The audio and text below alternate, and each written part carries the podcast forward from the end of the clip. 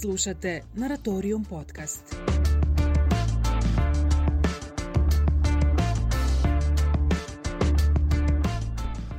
Pozdrav slušalcima Naratorium podcasta. Ja sam Harun Dinarević i danas se nalazim u Prijedoru, gdje razgovaram sa Edinom Ramulćem.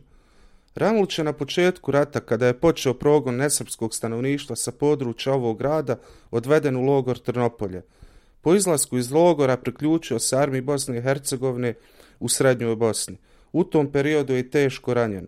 U logoru Keraterm ubijeni su mu otac i brat.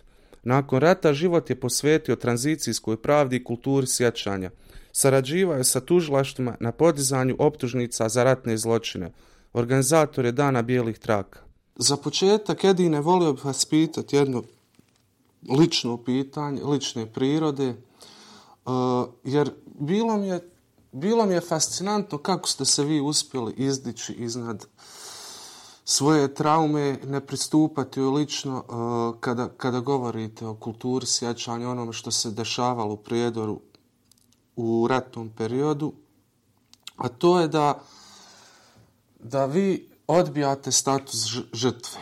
Vi sebe, pročitao sam u jednom intervju, uh, e, smatrate zarobljenikom rata, ali, ali ne želite taj status žrtve, koji je jel, pasivan, koji onemogućava ne znam, dalji, dalji uh, dijalog sa ljudima s kojima živite. Uh, e sad, kada ste, kada ste preživjeli to što jeste uh, boravak u logoru, a posle ranjavanje, kako je izgledao vaš neki mentalni put od, od tog perioda do danas? Da li ste na početku imali potrebu za osvetom? Da li vas je držao bijes? Kako je izgledao, ne znam, vaš psihološki razvoj od tog perioda do danas? Pozdrav prije svega onima koji će ovo slušati. E, to je veoma slojevito pitanje psihološki i to je imalo svoje faze i, i na kraju ja nisam ni siguran da razumijem najbolje ono što se meni dešavalo, ali ono što mogu e, znati e, da mi je opet život stvorio te neke situacije u kojima sam se ja mogao da nosim sa onim što je neka trauma koju smo mi iznijeli odavde iz prijedra, U mom slučaju ta trauma nije bila znači, fizička, nisam doživio nikakvu fizičku torturu, ali taj osjećaj bespomoćnosti, taj osjećaj poniženosti je bio kod svih ljudi znači, koji su bili žrtve progona. Uh, imao sam tu sreću da sam, čim sam se dokopao te neke slobodne teritorije, da sam pristupio oružanoj snazi koja je tada tu djelovala, jednoj jedinci koja je bila sastavljena od ljudi koji su iz najdobljih patriotskih razloga došli da se bore za svoj zavičaj. Tako da sam imao veoma brzo priliku da taj osjećaj poniženosti, bespomoćnosti, uh, samim tim što sam imao priliku da budem neko ko će se tome suprostaviti, da, da, to, da to prestane.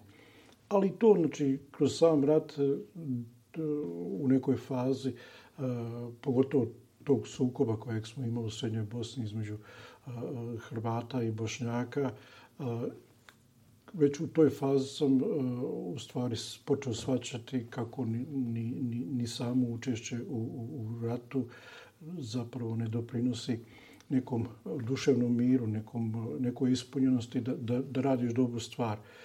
I ono što se desilo je da se Vašingtonski sporazum prekinu taj rat, ta zadnja godina rata mi je dovela, dovela do toga da mogu da, da, da razumijem malo bolje kako rat funkcioniše i da zapravo a, već tada postanem svjestan kako je to pogrešno sa koje god strane da se pristupi.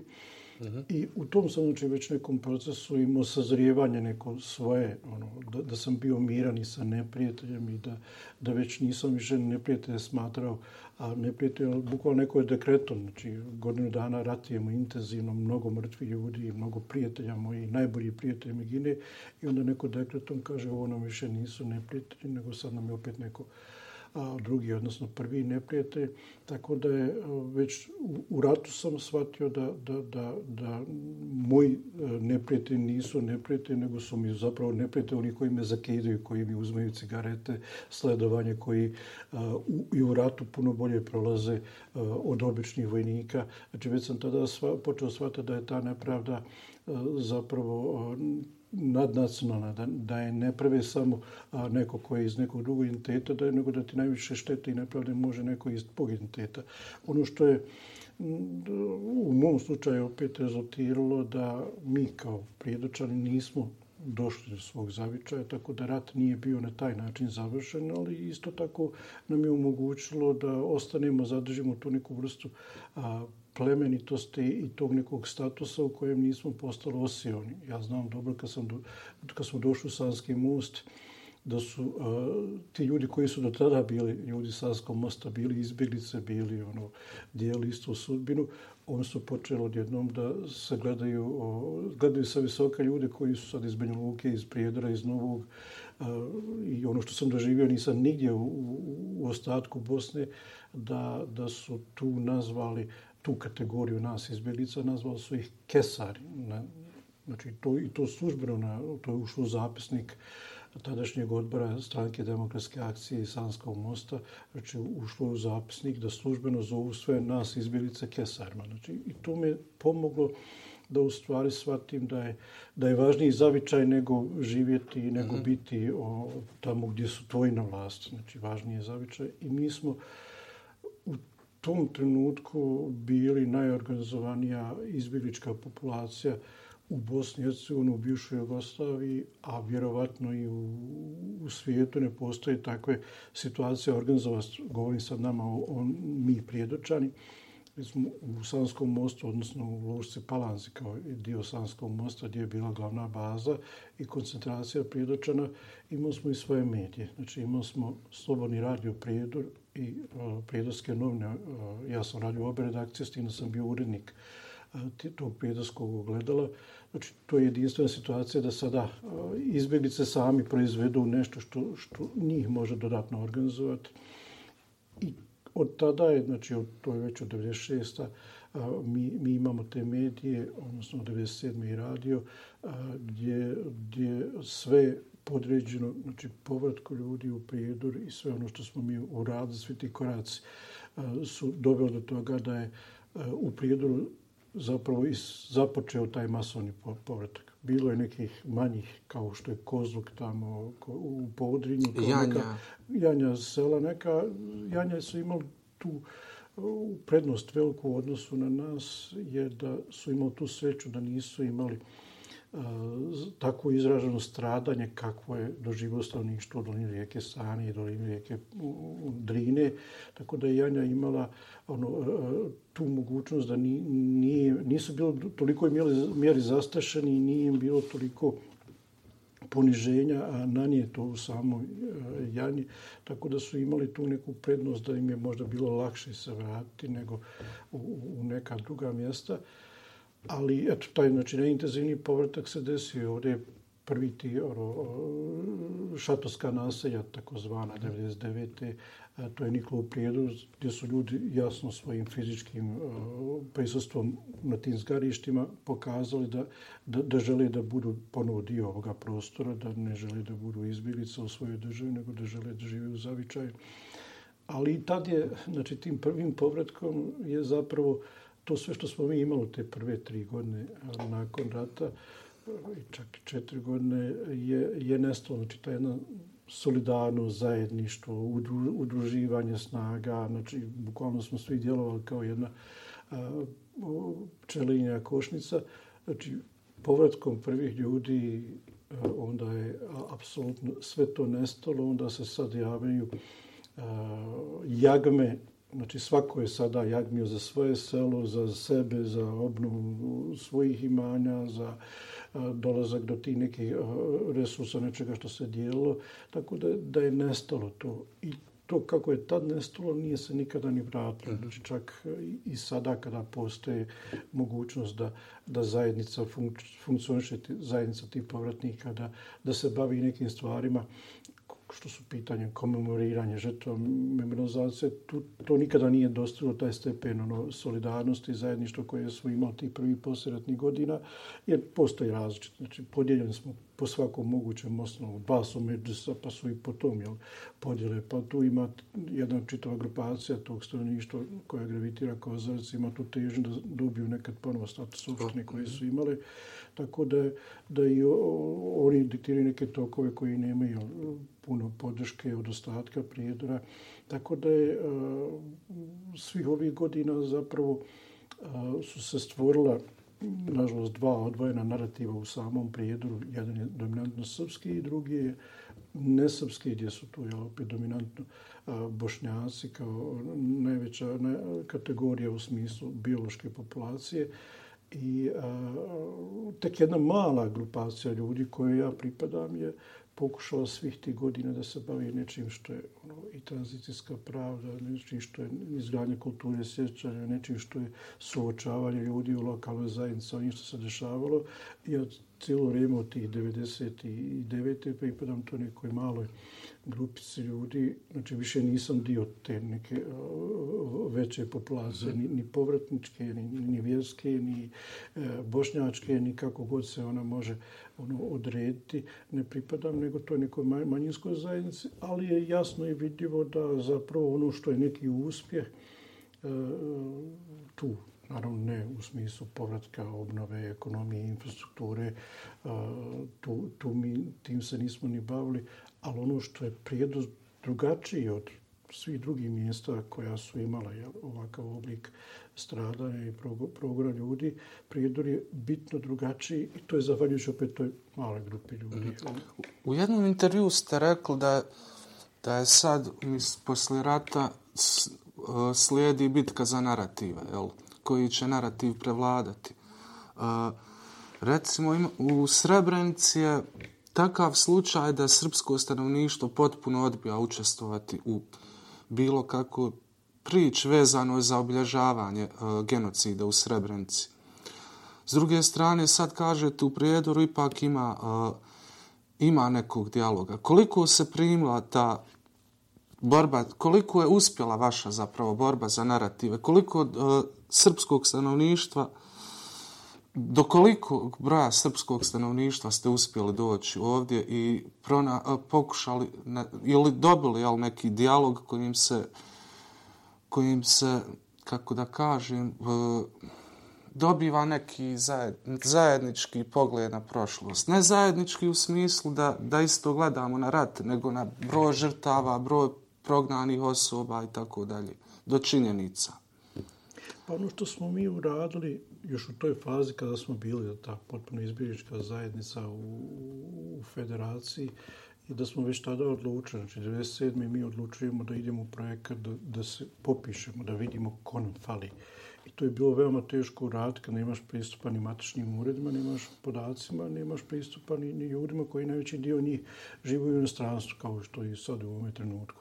Ali smo uspjeli, znači, e, našim ono, aktivnostima da već 98. uradimo prvo izdanje knjige Nestalih, gdje smo na prvi taj popis uradili, to već 2000, 2000. godine radimo jednu pristojnu bazu podataka, veoma precizno sa 3227 imena. 2012. smo izbacili to treće izdanje završno koje ima 3176 imena. Evo, od 2012. do ove godine nije se još niko pojavio da je došao i rekao vi niste nekoga evidentirali kome je tamo mjesto, odnosno nije niko došao i rekao tamo ima neko kome nije mjesto u toj knjizi, ili su neke druge okolnosti stradanja.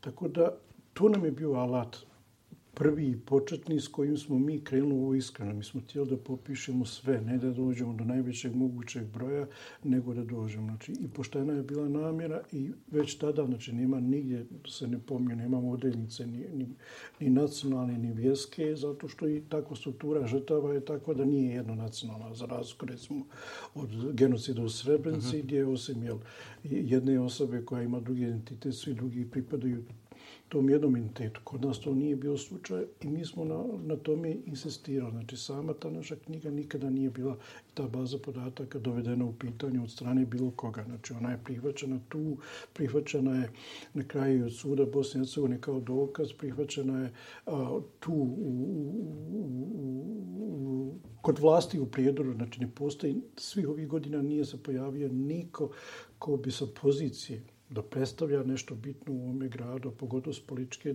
da je osporio ni logore, ni, ni, ni broj žrtava, ni broj ubijene djece, što mislimo da je jedna prednost i što je eh, rezultat toga kako smo mi tome pristupili. -hmm. Znači, mi smo tome pristupili prvo pošteno, nismo htjeli da idemo sa nekim izmišljotinjama. Naravno, postoji čitava jedna struktura bošnjaka iz prijedora kojima je to malo, koji iznose neke druge brojeve. Postoje čitave ono, grupacije, instituti iz Sarajeva koji iznose veće brojeve, koji sve to dovode u pitanje, što smo, ali ono što je bitno da je taj broj prihvaćen ovdje u prijedoru, jer svako to može da provjeri. Znači, svako može -hmm. da to provjeri. A jeste li, izvinite, jeste li vi poredili te njihove baze, mrtvi i vaše? I, ne, ne postoje njihove. Ne, mm -hmm. Znači, jedino što, što postoji još, jel to je to od istraživačkog dokumentacijskog centra, znači da su oni uradili tu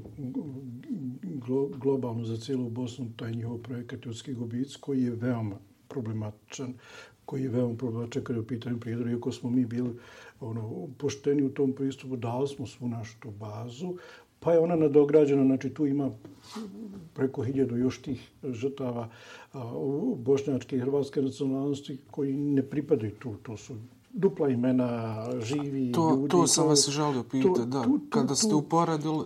To, znači, imamo, ono, do, do, dostupno nam je to što, čemu, čime barata moj Stri, Stričević koji meni isporučuje drva je još uvijek u toj tokačnoj bazi. Znači, moj mm -hmm. rođak Ramović Šefket, ono, čovjek je bio u bazi bio koji je tu investirao 3,5 milijuna u mlinsko-pekarsku industriju, on je u toj bazi. Moj Brico koji me šišao prije rata, ono, komšija u toj bazi, i Čomer i, i masa tih ljudi je, ono, ja sam uradio tu neku studiju, nisam još nikad objavio to da, da u stvari pokažem kako to je jedna zbrka podataka. Kod, kod prijedora je, znači, tu, tu višak.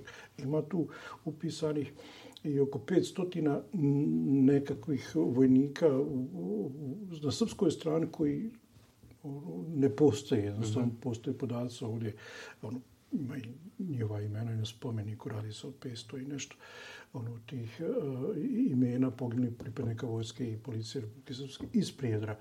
I, uh, znači, to je, to je, to je ono činjenica da ne postoje nikakvi drugi relevantni izvori podaca. Vlade se nisu bavile s tim. Znači ono što postoji je nešto što se može provjeriti, to je baza ta a, od e, Međunarodne komisije za nestalo poslovu prijavljenosti. Prijedočan su svi u jednom trenutku bili prijavljeni i ona se poklapa, znači tu neki deset ono, de, brojka se u, u razlikuje u deset u odnosu na tu koju ima baza SMP-a, dok recimo je za Višegrad, gdje se baca 3000, u bazi SMP-a je 1007.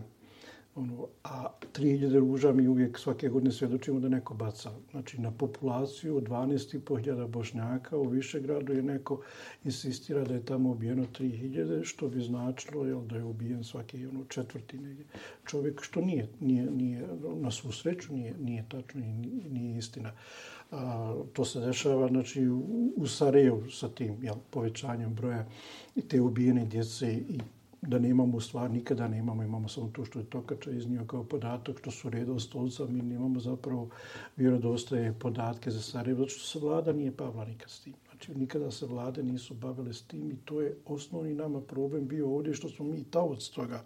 Ako mi idemo ovdje u prijedoru pošteno, ako to onda se uporedi sa nepoštenim, preoveličanim brojem u drugim zajednicama, onda ispada da mi umanjujemo ovdje stradanje, zato što kad se to uporedi, to recimo sa više gradom, sa nekim, izgleda da je tamo, da su tamo zločini bili daleko veći. Ne, oni su bili skoro pa i nivelisani, skoro su jednaki s tim da je bilo jel, u prijedori u odnosu na ove gradove doline rijeke Sane, on je imao i u smislu kvantitativnom, ali e, i u smislu, znači i procentualno imao je veće, veće stradanje nego što je to bilo u Sanskom mostu i ključu. Znači, u odnosu na ukupan broj bošnjaka i daleko je veći broj, ali i procentualno to je veći broj, veće stradanje bilo bošnjaka i pogotovo Hrvata, nego u Sanskom mostu i u ključu.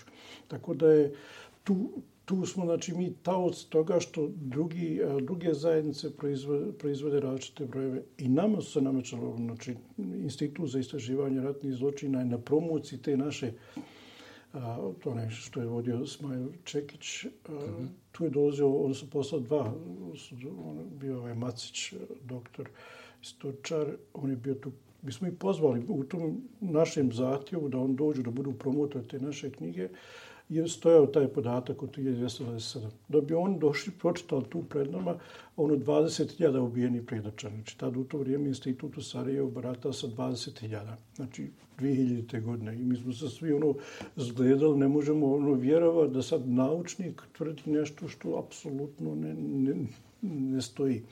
Da, kasnije su to malo a, srezali, smanjili su na 10.000 kada je bilo znači 2007. u tužbi znači Bosne i Hercegovine protiv Srbije i Crne Gore e, imali smo znači ta 10.000 prijedočena.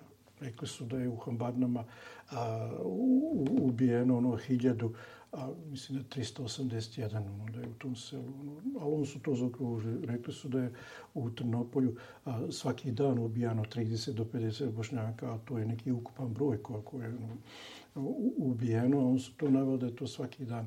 I to su znači, stvari koje su nas dobile do toga da mi sad, evo, kad neko istoričara, kad uzme taj materijal, te dokaze koji su bili pred Međunarodnim sudom pravde, a srpska je strana iznosila da je ukupan broj hiljadu žrtava svih bilo, odnosno stradali i on su to navodili, najveći dio toga bio u tim razmeni vatre i akcija, eto ne, jedan dio se prihvatao da je moguće da je stradali civila. Znači, on iznose hiljadu, odbrana, a ova strana iznosi 10.000. I sad ako dođe neki istočar, on mora uzeti jedan podatak. Naravno da je ova 1000 je bliža istine. ono, 1000 on je bliža ome 3186 nego ova od 10.000 koja se može na osnovu mnogo, na osnovu presuda u tribunali, na osnovu mnogo drugih nekih izvora može se ono dementovati. Govorim sve kako su nam u stvari dugoročno napravili ogromnu uslugu. Ja onda opet ne razumijem dobar dio na komemoracijama, na javnom servisu, spikerca još, ona je doktorca islamske nauka, žena, ja slušam, pošto godinama već ne odlazim na te ono, dženaze, ali tad, tad, tad sam isto ići, ali bilo tolika guža, nisam mogao prići, pa sam se vratio od kuće da gledam televizijski prijenos i žena mrtva, hladna, to kad ono 2013. 2014. kad je bilo su velika dženaza zbog ovih e, žrtava iz Tomašice. Znači, žena mrtva ka, iznosi, kaže, da u Prijedoru je ubijeno 4000 bošnjaka i nešto, i nešto Hrvata. Znači, nešto Hrvata? I nešto Hrvata, bukvalno tako rekla.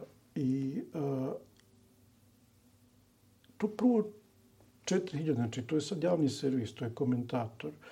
A mi smo 2012. iznijeli, ja sam, kad smo formirali taj odbor, bilo tu osam organizacija. Ja sam na tom prvom sastanku došao i rekao, ovo su podaci kojima mi baratamo. Ovo, evo, to su brojevi 386, toliko djece, toliko žena. Hajmo ovdje tri dana raspravljati. Hajmo ovome. A odavde kad izađemo, svi, samo ti podataka da se držimo, do kojih dođemo ovdje, nije, nije bilo nikakve i, ono, sporenja i svi su prihvatili te podatke koje smo samo mi ali, prikupili iz tog udruženja u kojem sam tada bio. Tad su, znači, to islamska zajednica prihvatila te 2012. Znači, svi su, ono, to mediji su koristili. Već 2013. opet je to bilo malo, počeo su. Ja, ali ja ne Kao da je 3176 ljudi malo. I, četiri ljude kao ono poveća kao da to nešto u stvari ta čini neku bitnu razliku. Da. Znači, a pogotovo tim okruglim brojima više niko ne vjeruje. Tim ono, okruglim brojima se ne može vjerovati. Ono, ako nemaš pogotovo iz brojevi za koje stoje imena i podaci, tu onda ne možeš ništa napraviti.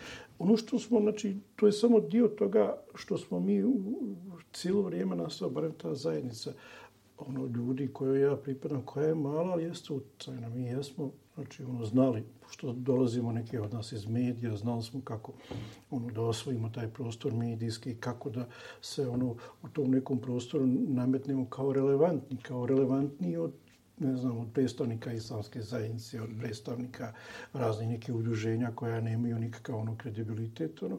Tako da, da, da to je bio samo dio, znači toga što, to što smo se mi držali, činjenica, strogo činjenica, to je imalo da šansu da, da to dopre do srpskog narativa, da to bude prihvaćeno, jer ne možemo očekivati da, da će nekada u budućnosti bilo ko od Srba ovdje u prijedoru prihvati nešto što je neistina, što je preuveličano, što je lažno možemo očekivati da će možda u nekom procesu neko prihvati činjenice, ali ako mi sami te činjenice pogrešno interpretiramo, ako ih preveličamo, onda tu ne može se znači, nikada desiti. I ja znam da smatram da je to veća šteta pogrešno interpretirati činjenice nego onaj ko negira, ko iz nekih razloga ne želi prihvatiti činjenice. Ono što smo mi uradili, znači, je da smo započeli smo mi komemorativni protest tamo gdje je bio jel, moguć. To su bila te e, mjesta zatočenja, mjesta egzekucija velike kao što su Korčanske stijene, Jamarastova glavica. Ali onda smo shvatili u jednom trenutku e, da u stvari to ne proizvodi dijalog. To dolaze samo porodice žrtava, eventualno neki mediji iz federacije ili bilo je tada javni servis Radio Republike Srpske je to pratio. Tako da smo imali uh, samo kroz medije mogućnost da dođemo do neke zajednice Srba ovdje u Prijedoru, do neke šire srpske zajednice, onda smo shvatili u stvari da je ono sve što mi trebamo raditi je da, ono, da mi to prinesemo u grad. Od 2008. ja sam to organizovao, to je prvi znanje ljudskih prava, prvu protestnu šetnju, mi smo je usmjerili da to bude za nestale osobe. I do danas se nije nikada desno, znači da sad opet pripadnici manjinske zajednice prave takve proteste tamo gdje su manjina. Srebrenčani svakog 11. u mjesecu izlaze na takve proteste, a u Tuzli u Sarajevu nikada u Srebrenci. Znači nikada tamo gdje bi mogli ljudi koji eventualno imaju informacije mi smo to uspjevali, jeli, kroz te naš, znači, naša poruka je bila glavna na početku koja je počinjena pomozite da pronađemo, pa taj broj je bio koji u tom trenutku je bio nestao i taj broj se svake godine smanjivao i ne mogu ja to da direktno povežem, ali u međuvremenu te 2008. pa do, do danas mi smo imali više slučajeva da su Srbi koji su znali za neke lokalitete prijavili ta uključujući i Tomašicu. Mm. Znači, to sam vas želio znači, pitati. To ja smatram da je direktno opet taj rezultat da smo išli, taj, imali smo taj ljudski pristup. Znači, nije, mogli smo mi na taj transparent napisati, odgovorni ste, krivi ste, vi ste ovakvi, onakvi. Ne, mi smo išli, znači, poruka građanima je bila pomost. I sve ono što smo radili kasnije, i, i bijele trake i sve, ono, uvijek smo išli na taj, budimo ljudi, hajde, nije ovo nikakva sada, ono, satanizacija Srba ovdje, nije, nego stvari su se desne stvari su bolne, bolne bi trebale biti za cijeli prirod. Ono što smo mi uspjeli čini se da ipak predstavimo, pratimo mi ovo za dešavanje društvenim mrežama i to o djeci i kako to ljudi iz prijedora srpske nacionalnosti komentiraju, Znači, uspjeli smo da izazovemo tu empatiju. Znači, da je to zaista gubitak grada Prijedora, da su ta djeca... Recimo, Koliko tako... godina ima kako ste počeli obilježavati bijele trake? Da. 10, 11? Od 2012. Znači, na tu 20. godišnicu, one su uh, bile reakcija na tu, te prve zabrane koje smo dobili. Znači, mm -hmm. zbog upotrebe riječi genocid u najave od nekih tih događaja koji su se trebali dešavati tokom 2012. 2012. na 20. godišnicu, lokalne vlast, znači parlament je održao i sjednicu Skupštine gdje su donijeli tri zaključka, zaključke gdje su tri stavke bile između ostali. Jedna je da se zabranjuju sva okupljanja na, na javnim mjestima za nas i u prostorima koji pripadaju jel, gradu, da se uh, ono, onemogućava bilo kako finansiranje iz javnih budžeta ovih organizacija, tih osam iz odbora. I još je treći zaključak je bio da se traži od tužilaštva da se preispita jel, ono, koliko mi u stvari ono, remetimo jel, tu međuljudske odnose, međunacionalne, tako da su to bila ta tri zahtjeva. I to je policija znači, e, rješavala tako što su nam počeli zabranjivati komemoracije. Prva ta koja je bila, koju smo i zakazali, je bila 23. maj e, komemoracija ubijenim ženama i djevojčicama. Znači, 256 žena i 10 djevojčica je trebalo biti komemorirano sa instalacijom koju sam ja nešto bio osmislio da to budu one bijele ukupne vreće sa ružama i sa imenima tim e, ženama i djevojčicama da bi u stvari prikazali na glavnom trgu ljudima to mnoštvo, da to nije samo broj, da ih individualiziramo i da pokažemo koliko je to mnogo. A te bijele ukopne vreće su opet jel, simbolizira da dobar dio njih još uvijek nije ni pronađen, tako da je to neki element koji se koristi sakralno s tim bijelim ukupnim vrećama. Je to zanimljivo da nismo mogli od Međunarodne komisije da dobijemo više od 200 vreća. Znači, bilo je koliko, koliko je to velik broj. Ono, ne možeš da dobiješ ni toliki broj vreća ukupnih da bi mogao da napraviš pozajmo, da, da napravimo tu a, instalaciju povodom jel, komemoriranja tih žrtava. I a, to je bilo zabranjeno i kao revolt na to je u stvari bilo ono stajanje Emira tog dana samog sa tom bijelom trakom i sa tom jednom bijelom vrećom na, na trgu. A, to je već bio znači, dio tog nekog našeg ono, a, projekta gdje smo mi rekli, evo sad ćemo mi odgovoriti na tu zabranu komemoraciju, da ćemo osmisliti komemoraciju bazirano na onim na stvarno, stvarno utvrđenim činjenicama, bijelim trakama, koja se neće moći zabraniti.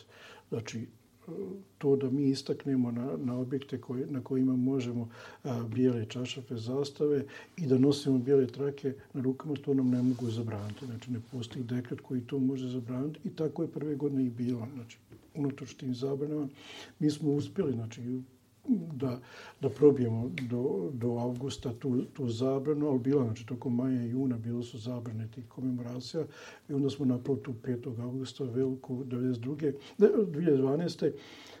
koja je opet bila neka pobjeda aktivistička. Znači, tad je nama došlo, opet već smo a, mi se i uvezali, bili sa ljudima iz različitih zajednica aktivista, Zavaljujući opet tom Emiru Hodiću koji je tu svoju energiju unio da nas sve poveže.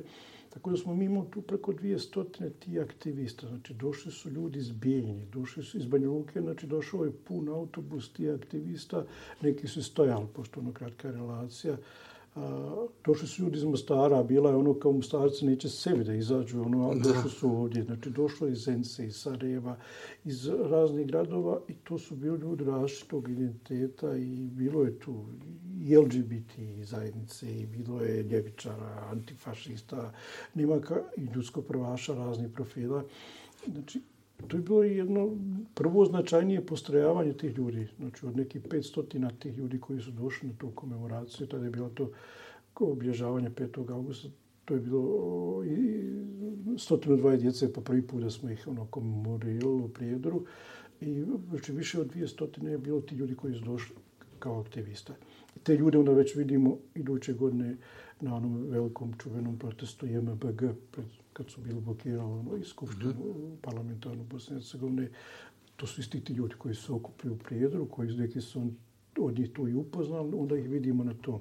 Kasnije ih vidimo i tokom 2014. Oni su bili neko koji je organizovao kasnije oni plenume i to, to, to je ta... Tako da vidimo da je u tom nekom pionirskom prijedoru je bio značajan na tom nekom aktivizmu, aktivaciji aktivista na polju ljudskih prava, iz čega se je mnogo što ono, proizvalo kasnije. Kasnije smo jeli, imali taj prvu povorku ponosa i što smo sve imali kao rezultat tog nekog aktivizma i, i nekog zajedničkog nekog našo, našeg nastupa.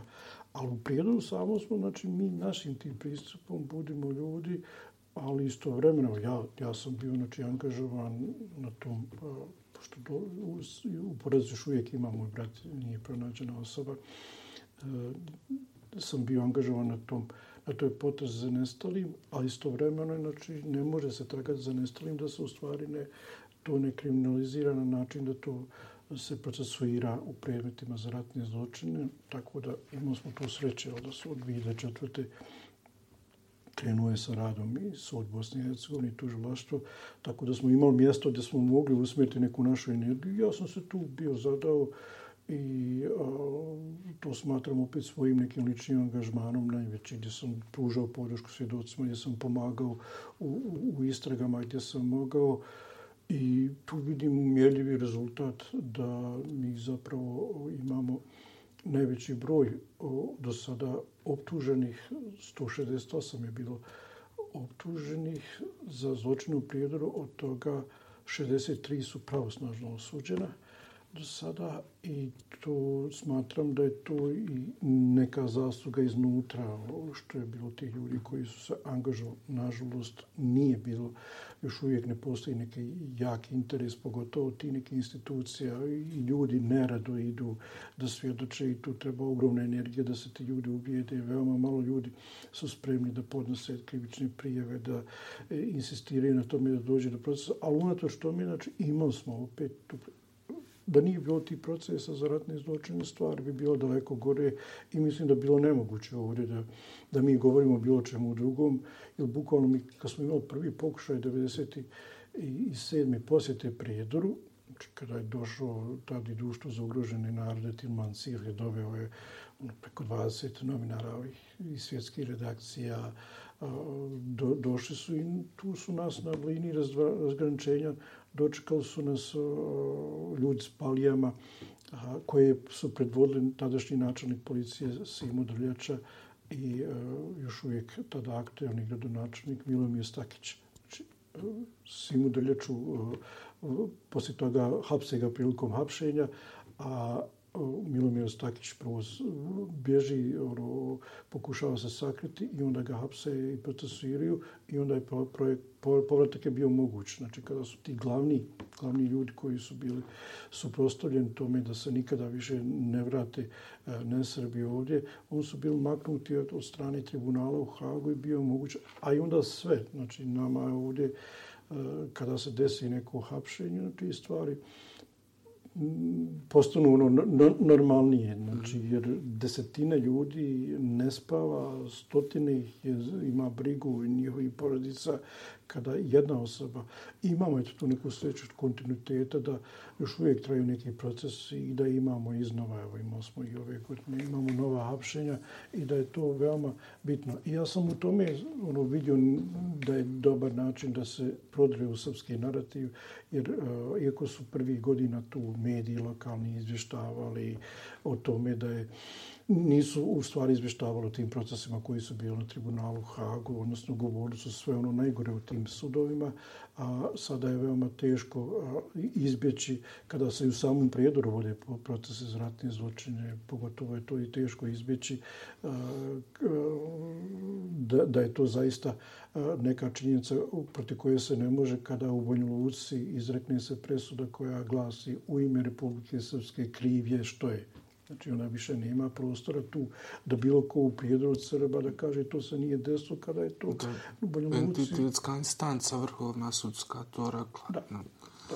A, vi ste spomenuli u jednom tekstu ili više njih čak kako u prijedoru 99% zločina su izvršili nad nesrbima su izvršili uh, lokalni stanovnici.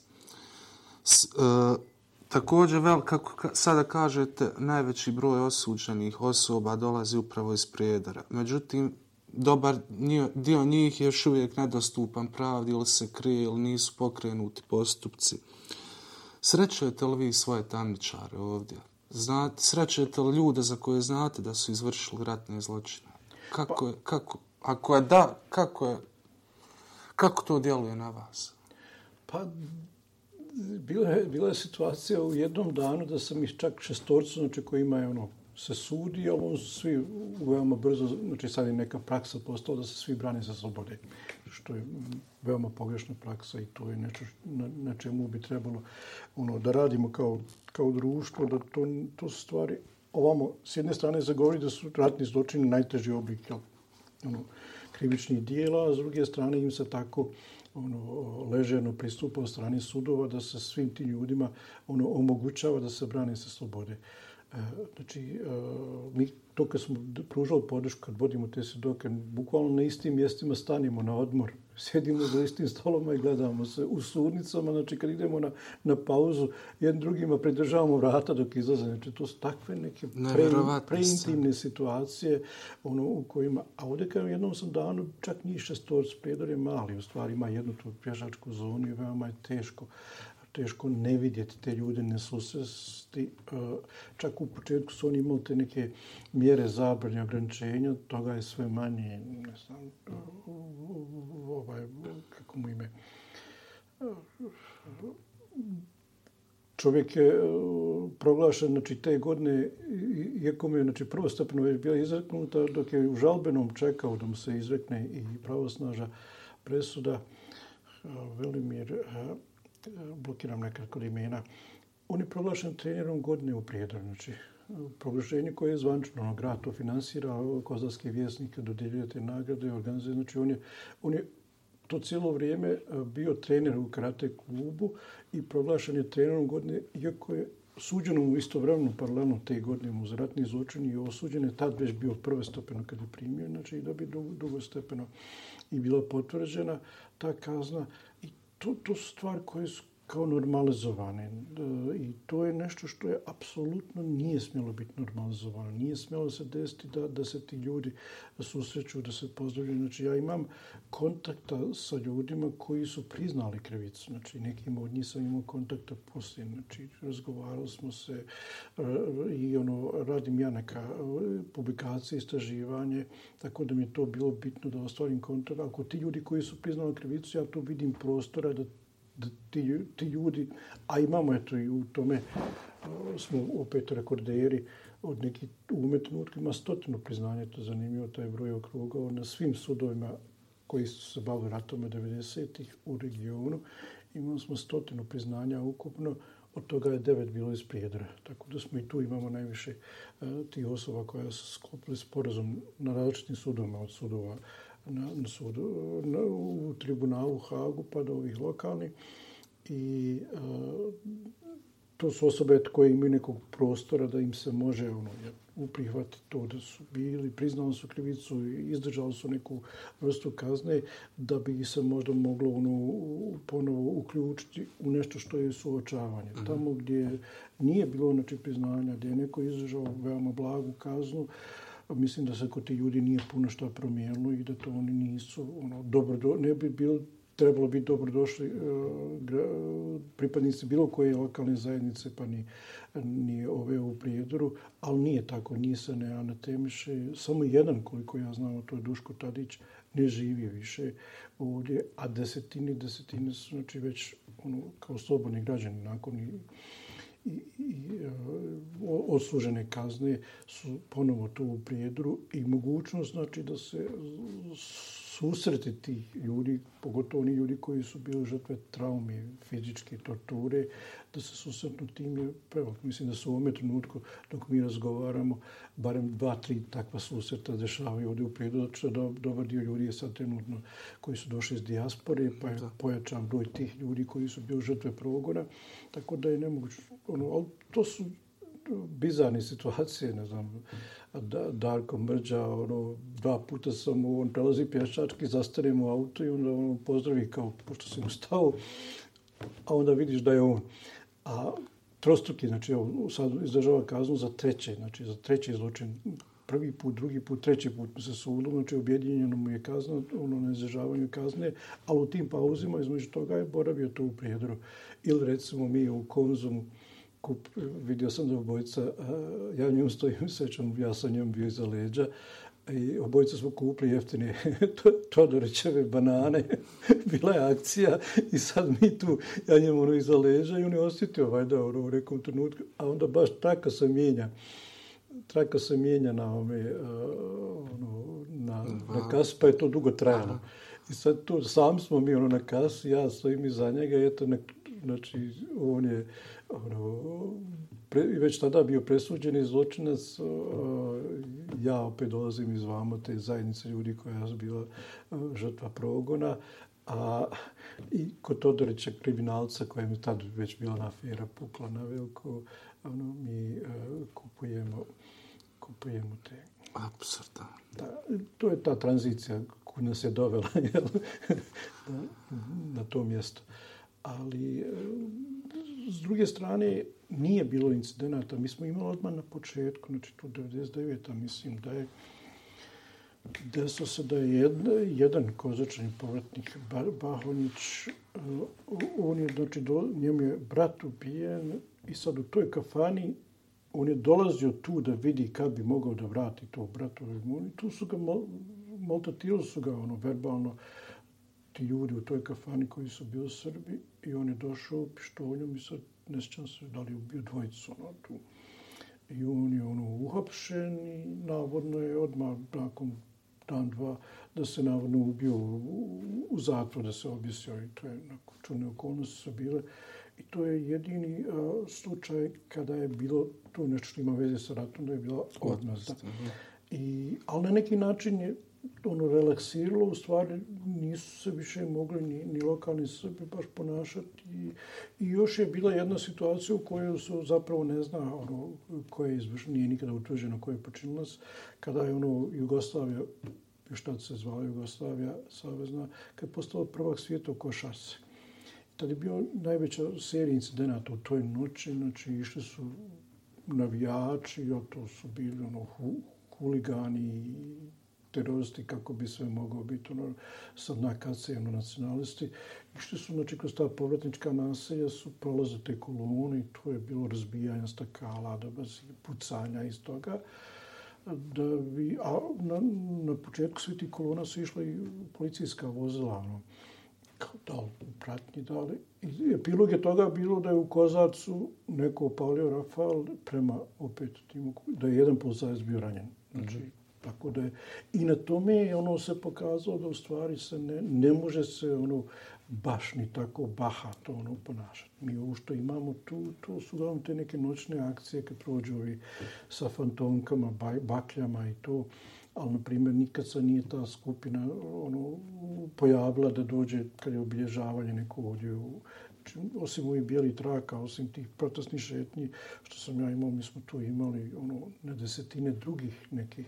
Ono što smo shvatili da je veoma bitno da ulicu osvojimo. Znači, srpski narativ može da ne gleda na medijima, može da ga ne zanima to, Ali teško je to izbjeći kad se to dešava u glavnoj ulici gdje u nekim trenuzima bude na hiljade ono ljudi koji tu pro, prolaze i u, u ti neki sat, dva dok to traje. Znači, nemoguće je ono, da, da se to ne vidi. Zato jeste problem ovo što, što su recimo u komemoraciju kada je prilika da se u lokalnoj srpskoj zajednici sazna da je bilo tih žrtava iz 90-ih, kada se to recimo sad dešava sve u, u selu ono, Kamičanu, udaljenom 20 km odavde.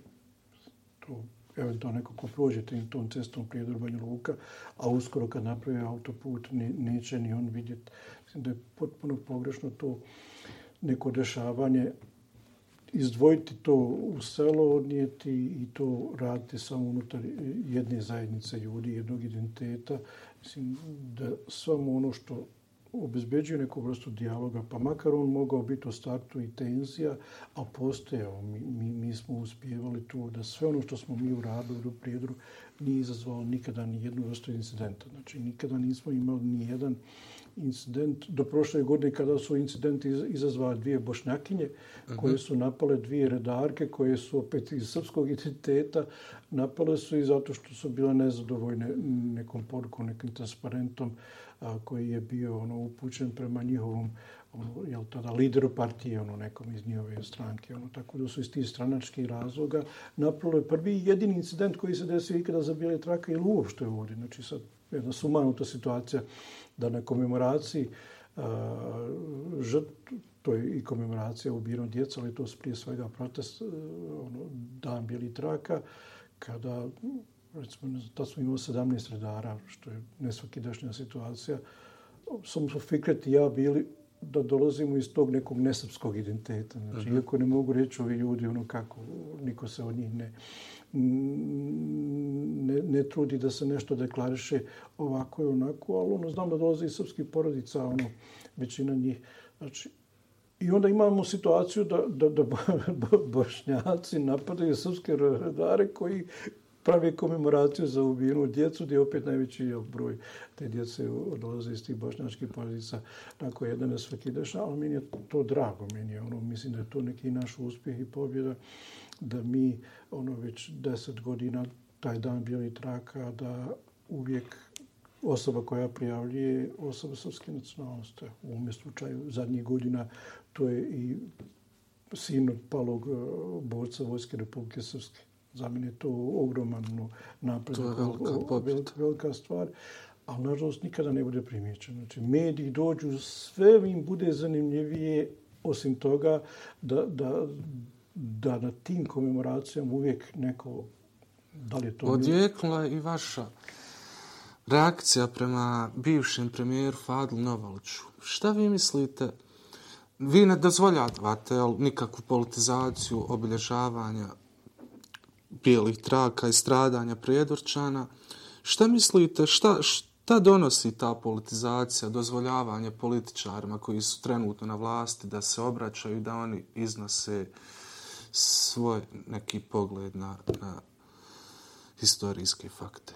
Pa apsolutno je to sad jasno da su, eto, kad, kad govorimo o žrtvama bošnjacima, iako su o, izazvao su ih znači, ljudi koji su jahali na srpskom i na hrvatskom nacionalizmu, sada ih znači, zloupotrebljavaju, upotrebljavaju oni koji jašu na bošnjačkom nacionalizmu, to su prije svega političare, ali i neke nevladne organizacije ili neke grupacije koje se... I mediji dodao bliski njima. Tu su mediji uvijek meni, ono, od, od početka do kraja mediji tu imaju veoma, veoma štetnu, ono, govorimo o većini medija, pogotovo oni medija koji su iz tog e, nekog utjecajnijeg bloka javni servisi, oni su uvijek dio toga ono, sa negativne strane i tu je teško bilo šta promijeniti. E, ja sam evo odlučio da, da ja na nekom individualnom, recimo, ne želim više da dajem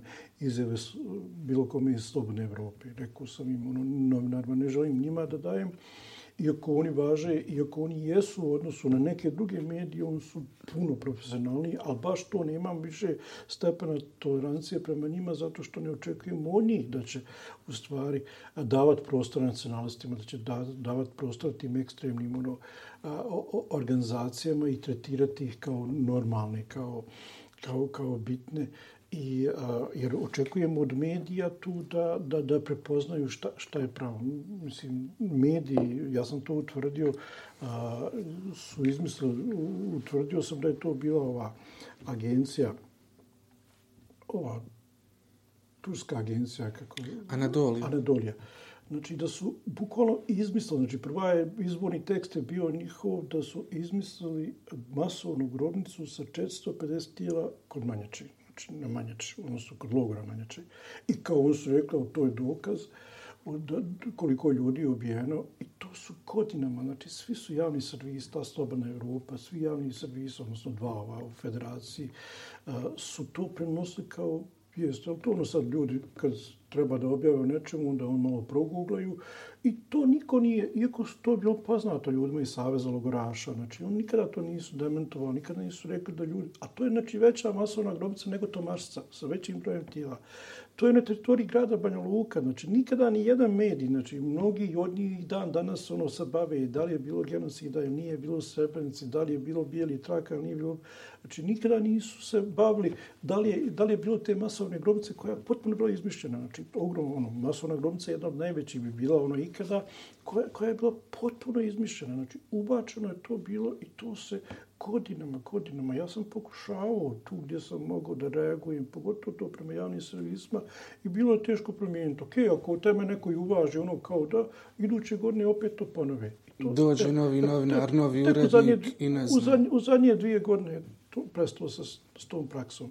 Znači, mogu da proizvedu tako neke štetne ono, informacije. Sam mediji, znači, ovo nije, nije ni savez logoraša, nije niko proizveo to, znači, nekad mediji, nekad novinar, nema, ne znam zašto, na, na osnovu čega. Nemate predstavu na osnovu čega su oni došli. Nije bilo potpisano, znači, to je bila agencijska vijest koja nije bila čak, ja bi ono volio da, da dođem do tog autora, da bi onda vidim šta bi on... Ja, no, hajde reci meni nešto što ja ne znam. To, to je lako provjeriti, možete, ono, možete se na Google, ostalo su svi ti tekstovi, prenosi, ono, u raznim medijima to, to korišteno.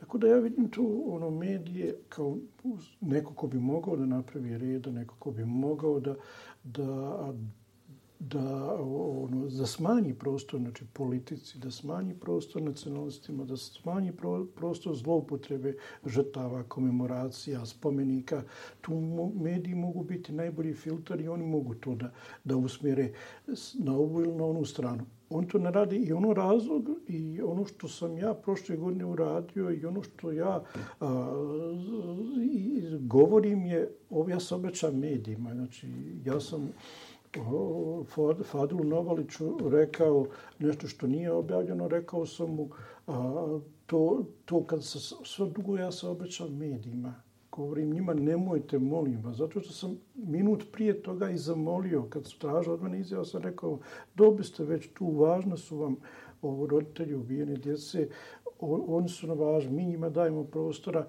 nemojte, molim vas, nijednog političara. Ako ste i snimili, nemojte ih danas puštati. Znači, samo što sam ja to završio, ja se okrećem, pošto me neki novinar. Znači, ja gledam, on, on, on se reda, oni, oni, oni su ga tu stavljaju ga da uzmu izjavu od njega. Opet na tom prostoru, jel, koji je komemorativni, gdje idu imena ubijene djece, se ono tu u pozadnji, ono, e, se vrte. I to je, to je onda mene izravotilo da, da su mediji u stvari sad njemu dal taj prostor koji je ono nije zaslužio ni po kom osnovu.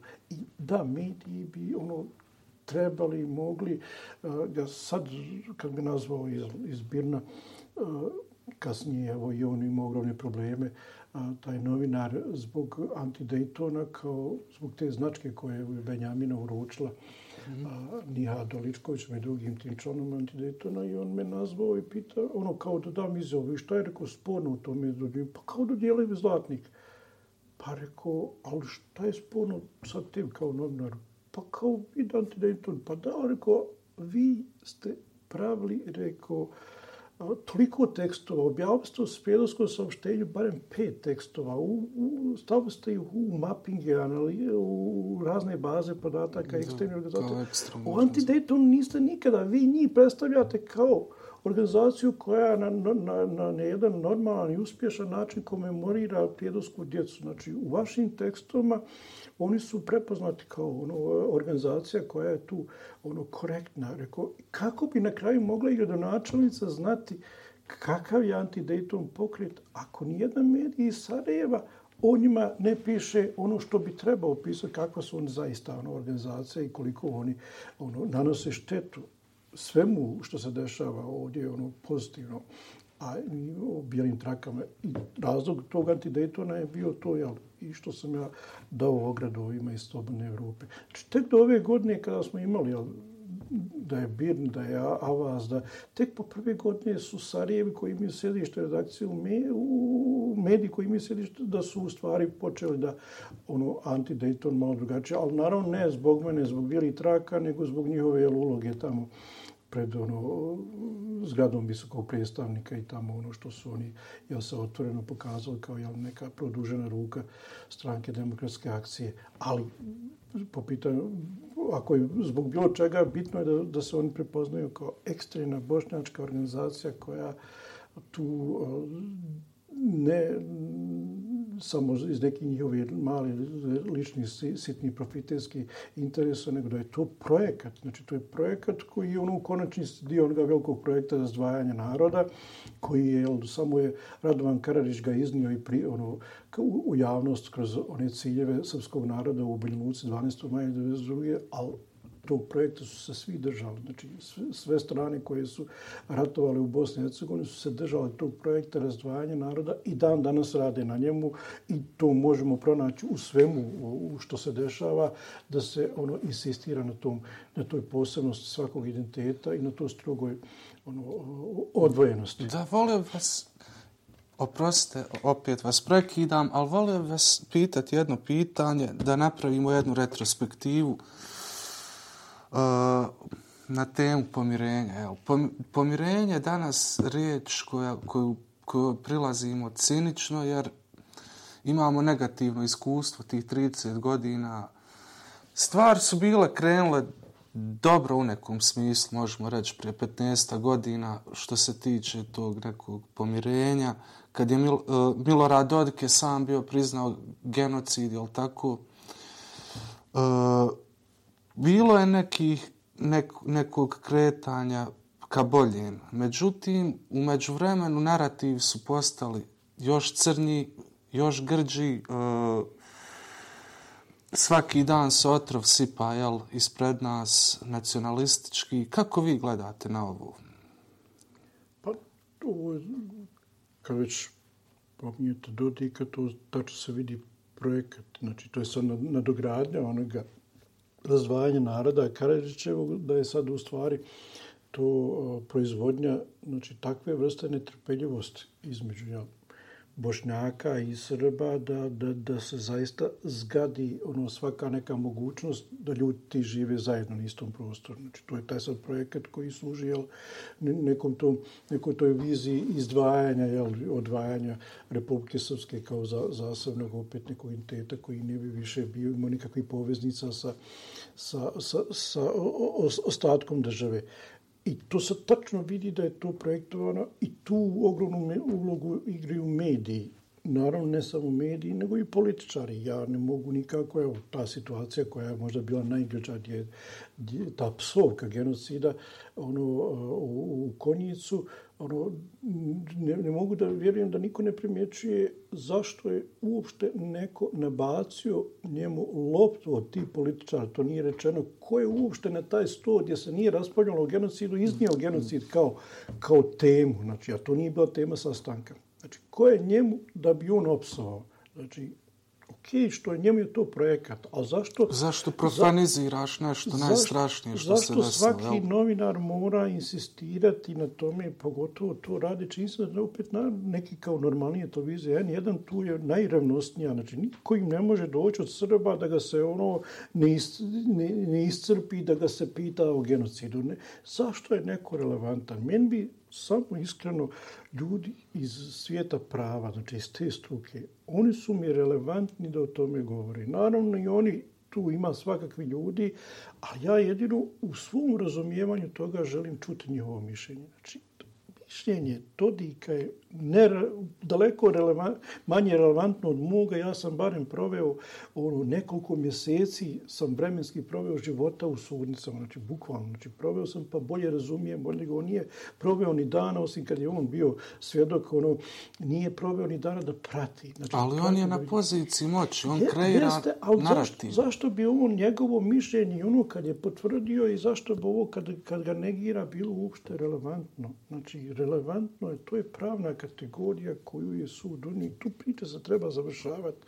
Jednostavno, ne treba to svaki put. Ne treba dovesti Stanu Vukovića u Sarajevo pa ga pitati. On je pogotovo još u tome svemu smislu jedan balavac. Ono ne, ne razumije još i manje od, od Milorada Dodika i od bilo koga. Znači, ne treba se na tome pitanju uopšte ono kao što je sad odlučeno u Bosni i Hercegovini da u sistemu obrazovanja neće se izučavati to u učbenicima. Naravno, našli su načina da to prođe, ali eto, barem ono, stoji i dalje da je ta zabrana da se ne izučavaju 90. Tako bi trebalo da, da se to odnosi i na političar. Znači, bukvalno im se trebalo zabraniti da to mogu u javnom svom istupanju da uopšte to pomnju. Znači, ne samo da uvredljivo, nego trebalo bi zabraniti onim političarima da govore ovdje je bio genocid. Zato što uvijek on to kad kaže sa pozicije političara, on to ide u namjeru skupljanja svojih glasova, pažnje od koga već. Znači, trebalo bi se i tim ljudima zabraniti. To bi nas u stvari oslobodilo. Ne, ne može samo zabraniti nekome da negira genocid, a istovremeno dozvoljavaš ljudima koji u tome svemu onda unose jel, pogrešne interpretacije, preterivanja, pa onda daju, daju različite ono, konotacije tome. Znači, nije bilo baš da nije bilo ti izjava oko genocidnog naroda, da, oko neke da. generalizacije. Znači, veoma često tu imamo generalizaciju i to bi se trebalo zaustaviti. Ja sam tu nekad u tim nekim istraživanjima, ovo to su radili prije ovoga zakona koji je Insko na, namesti, na, koji je ono, nametnuo, Znači, ja sam tu govorio i moraju se zabraniti te pogrešne interpretacije i ta pretjerivanja. Mora se, znači, za, onda zakonom zabraniti da neko baca 3000 sa Višegradskog mosta. Ako nemaš imena toliko, onda nemoj ni ni pritiravati u tome. Onda mora se zapraviti da to bude 1601 dijete da se pomije, ono, komemorira da se sebi ono tereti general, generalno, da su oni pobegli 1601 dijete, ako nemaš broj to imena. I to mora biti zabranjeno. Znači, ne samo zabranjeno negiranje, nego zabranjeno mora biti i pogrešno interpretirano, odnosno izmišljanje i laganje, odnosno i izvr, izvrtanje činjenica koje su utvrđene u raznim nekim i sudskim postupkama, postupcima neke druge načine.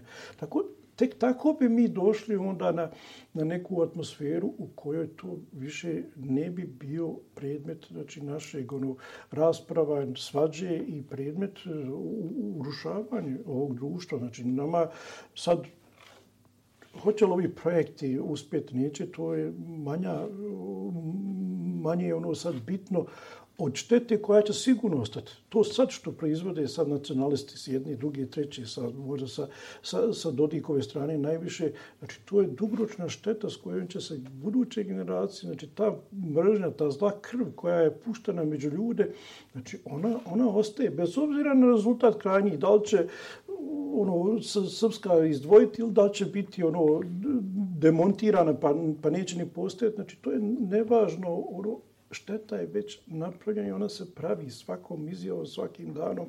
I mi sad već imamo, znači, te generacije, pogotovo kroz sistem obrazovanja, da je Bog do međunarodna zajednica ništa drugo nije. Čak evo vidimo da nije reforma voj, policije nije bila nikakva, vojska je tu, barem ono nije prijetnja, ali sve tu Obrazovanje. Da je obrazovanjem se bavilo. Oni su tu odlučili da ništa ne urade. To je predato organizaciji OSCE-u. Oni tu ništa, čak nisu mogli najbanalnije te stvari, dvije škole pod jednim krovom, znači tu se nije ništa riješilo. I sad mi imamo, umjesto da imamo sad nakon ovoliko godina, kako da imamo one čuvene, ono 60. u Njemačkoj, kada su djeca pitali roditelja, gdje ste bio ti?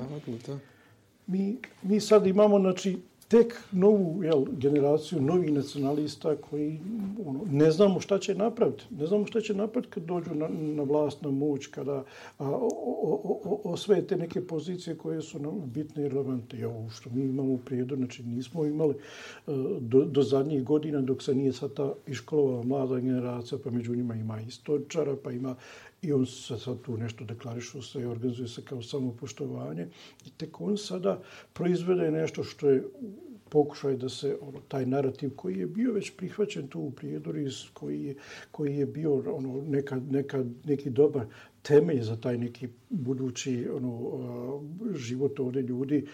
To, mi, to pomirenje je uvijek nama, mi, ta neka slika, to i ovi međunarodni koji dolaze, ti primjeri koje smo imali iz Afrike u Južnoafričkoj e, republici ili ne znam, Ruanda, oni gačača sudovi, e, da, da tu zajedno sjede oni koji su bili žrtve i oni koji su bili direktni počinioci, da se tu vode neke ono, e, intimne rasprave. Ne, to je ovdje najmanje bitno ono kako će se ti ljudi e, sa traumom njih ne treba nikada staviti za isti stop sa onima koji su počinili znači treba i staviti sudnicu da ovi završe u zatvoru odlaže svoje ali vraćanje povjerenja među ljudima bi trebalo biti. Znači da prestanak toga da, da, da samo zato što je neko nosi to drugačije ime, da, da ja stalno imam ono, osjećaj da ću on ono, u datom trenutku da ono što nož. Ono, jer to se ne dešava. Znači u običnom životu nema, nema takvih. Evo, prije, prije primjer toga da su ljudi a, toliko samim tim životom zajedno i samim tim da čak i ovi političari do sada ove sadašnje generacije nisu ni proizvodili u javnom prostoru.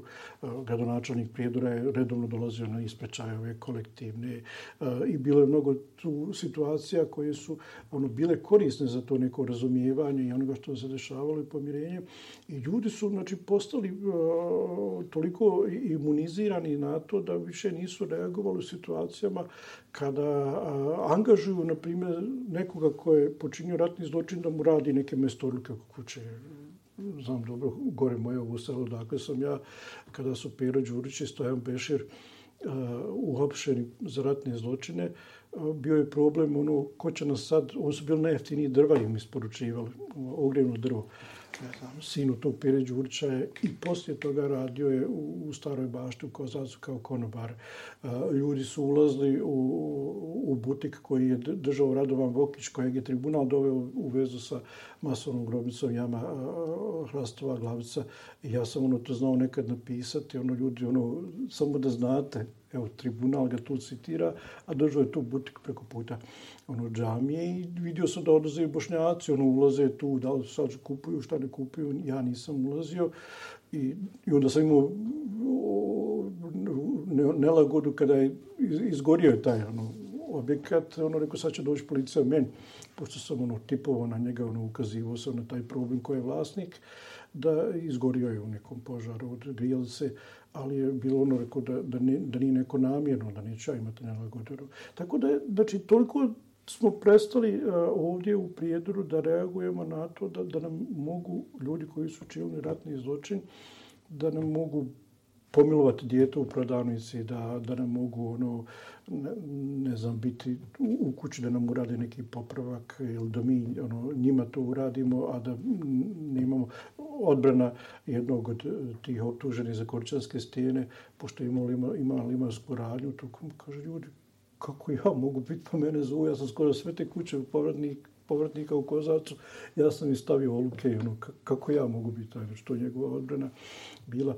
I to jeste, ono, ovo navodim kao primjer da je veoma moguće, znači kad ljude staviš u neku sredinu da budu zajedno i da ih poštediš od tog nekog svakodnevnog, ono, da, da im ono govoriš, ne, ono ti ne prijatelji, ovo sve, da ljudi veoma brzo profunkcionišu i veoma brzo. če iz kruga mojih poznanika, ljudi koji ja znam, znači, nastupo šest brakova na toj relaciji Bošnjaci-Srbi. Znači, iz kruga mojih poznanika, koje ja ljudi ono znam, znači, sigurno je taj, ti slučaj ima više. To, to, znači, može proizvesti kad ljudi žive na jednom mjestu. Ne znam, malo ko ovdje u prijedoru, ja tako se ponašam, ne idem u kafanu gdje je vlasnik Bošnjaka, kako je ona daleko, nego idem tamo gdje je bolja kafa, gdje sam popio jednom dobru kafu, idem ponovo tu. A ne ono da, da idemo, da, da se ketoiziramo tu i što je, mislim, da je velika stvar i veliki neke, ono, zašto je Pedro bio drugačiji. Međutim, sadašnji trendovi i, uh, u, u zadnjih nekoliko godina i sadašnji gradonačelnik, njegov zamjenik koji je posebno opet neko zlo i pojava tih samopoštovanja, principa ti neke organizacija, pa ti navijači, alkohol, bojsi. Znači sve to do, dovodi do toga da ljudi ponovo postaju biti uznemireni i sad je dovoljno samo još da policija malo više ima represija prema jednima, da bude tolerantnija prema drugima kao što ono često jeste, da onda imamo tu jednu atmosferu u kojima će ljudi ponovo razmišljati da iz ti razloga, on sad odlaze iz ekonomski, da i odu. I onda je tu kraj ove zajednice i onda više neće biti mogućnosti kada da ljudi nakon onakvog ono, nekog progona šoka, ljudi su imali tu potrebu da se vrate u zavičaj. Sad kad odu, više neće nikada poželjeti. Razumijem. Evo danas je ukop za i dženaza za dvije žrtve, e, novo otkrivene jel, ostatke žrtava. E, Tomašica otkrivena prije deset godina, ako se ne varam. E, ostalo je još mnogo neotkriveni, neotkriveni ostataka žrtava oko 500, ispravite me ako grešim. 504 se pomijalo, ono, nije tu bilo kada precizan i veoma je teško sad, sad umije trenutku imaju znači, neki koji imaju potvrđen identitet, ali je ni nedovoljno ostataka, porodica nije došla potpisati, naziv su u Americi, on ne želi još da ukopa, tako da nije formalno završena identifikacija iako su, on je, ono, ima skeletni ostataka tamo za više od stotinu, ono, u, u krajni identifikacijski projekat u, u Šejkovaču, u Sanskom mostu, za koje se pretpostavlja smatra da su prijedočani koji nisu identifikovani, za, da li zbog nekad ranijih pogrešnih identifikacija klasičnom metodom, da su ti ljudi za koje se smatra da su nestali, da su ukopani po nekim drugim identitetom. Posle razni razlog, znači, ali je i veoma je tu teško. Znači, danas se mogao doći DNA nalazi i da porodica bude obavještena i da, tako da je veoma teško biti precizan, ali tu negdje oko 540 je taj ono, broj. Ima li ideje ili neke informacija gdje bi mogle biti te masovne grobnice? Pa, ono što je, smanjena je sad mogućnost da bude neka masovna grobnica, pogotovo, pogotovo ta neka velika. A, postoji, znači, još uvijek ponovo se još prekopavati jakarnu kosu, pa su tamo nađeni neki, čak i tamo masovne grobnice, rado se to poprilično ono, na brzu ruku, nema ono, nekad vremenski uslovi a, zaustave ono, e, e, eksumiranje zato što dođu kiše i onda, onda se ispostavi kad se ponovo vrate pa da nađe još neke posmrtne ostatke. Tu je zanimljiva ta Tomašca, ona jeste 2013. ponovo ono, Eh, otvorena i sumirana, ali ona je otkrivena 2004. Znači, puno prije.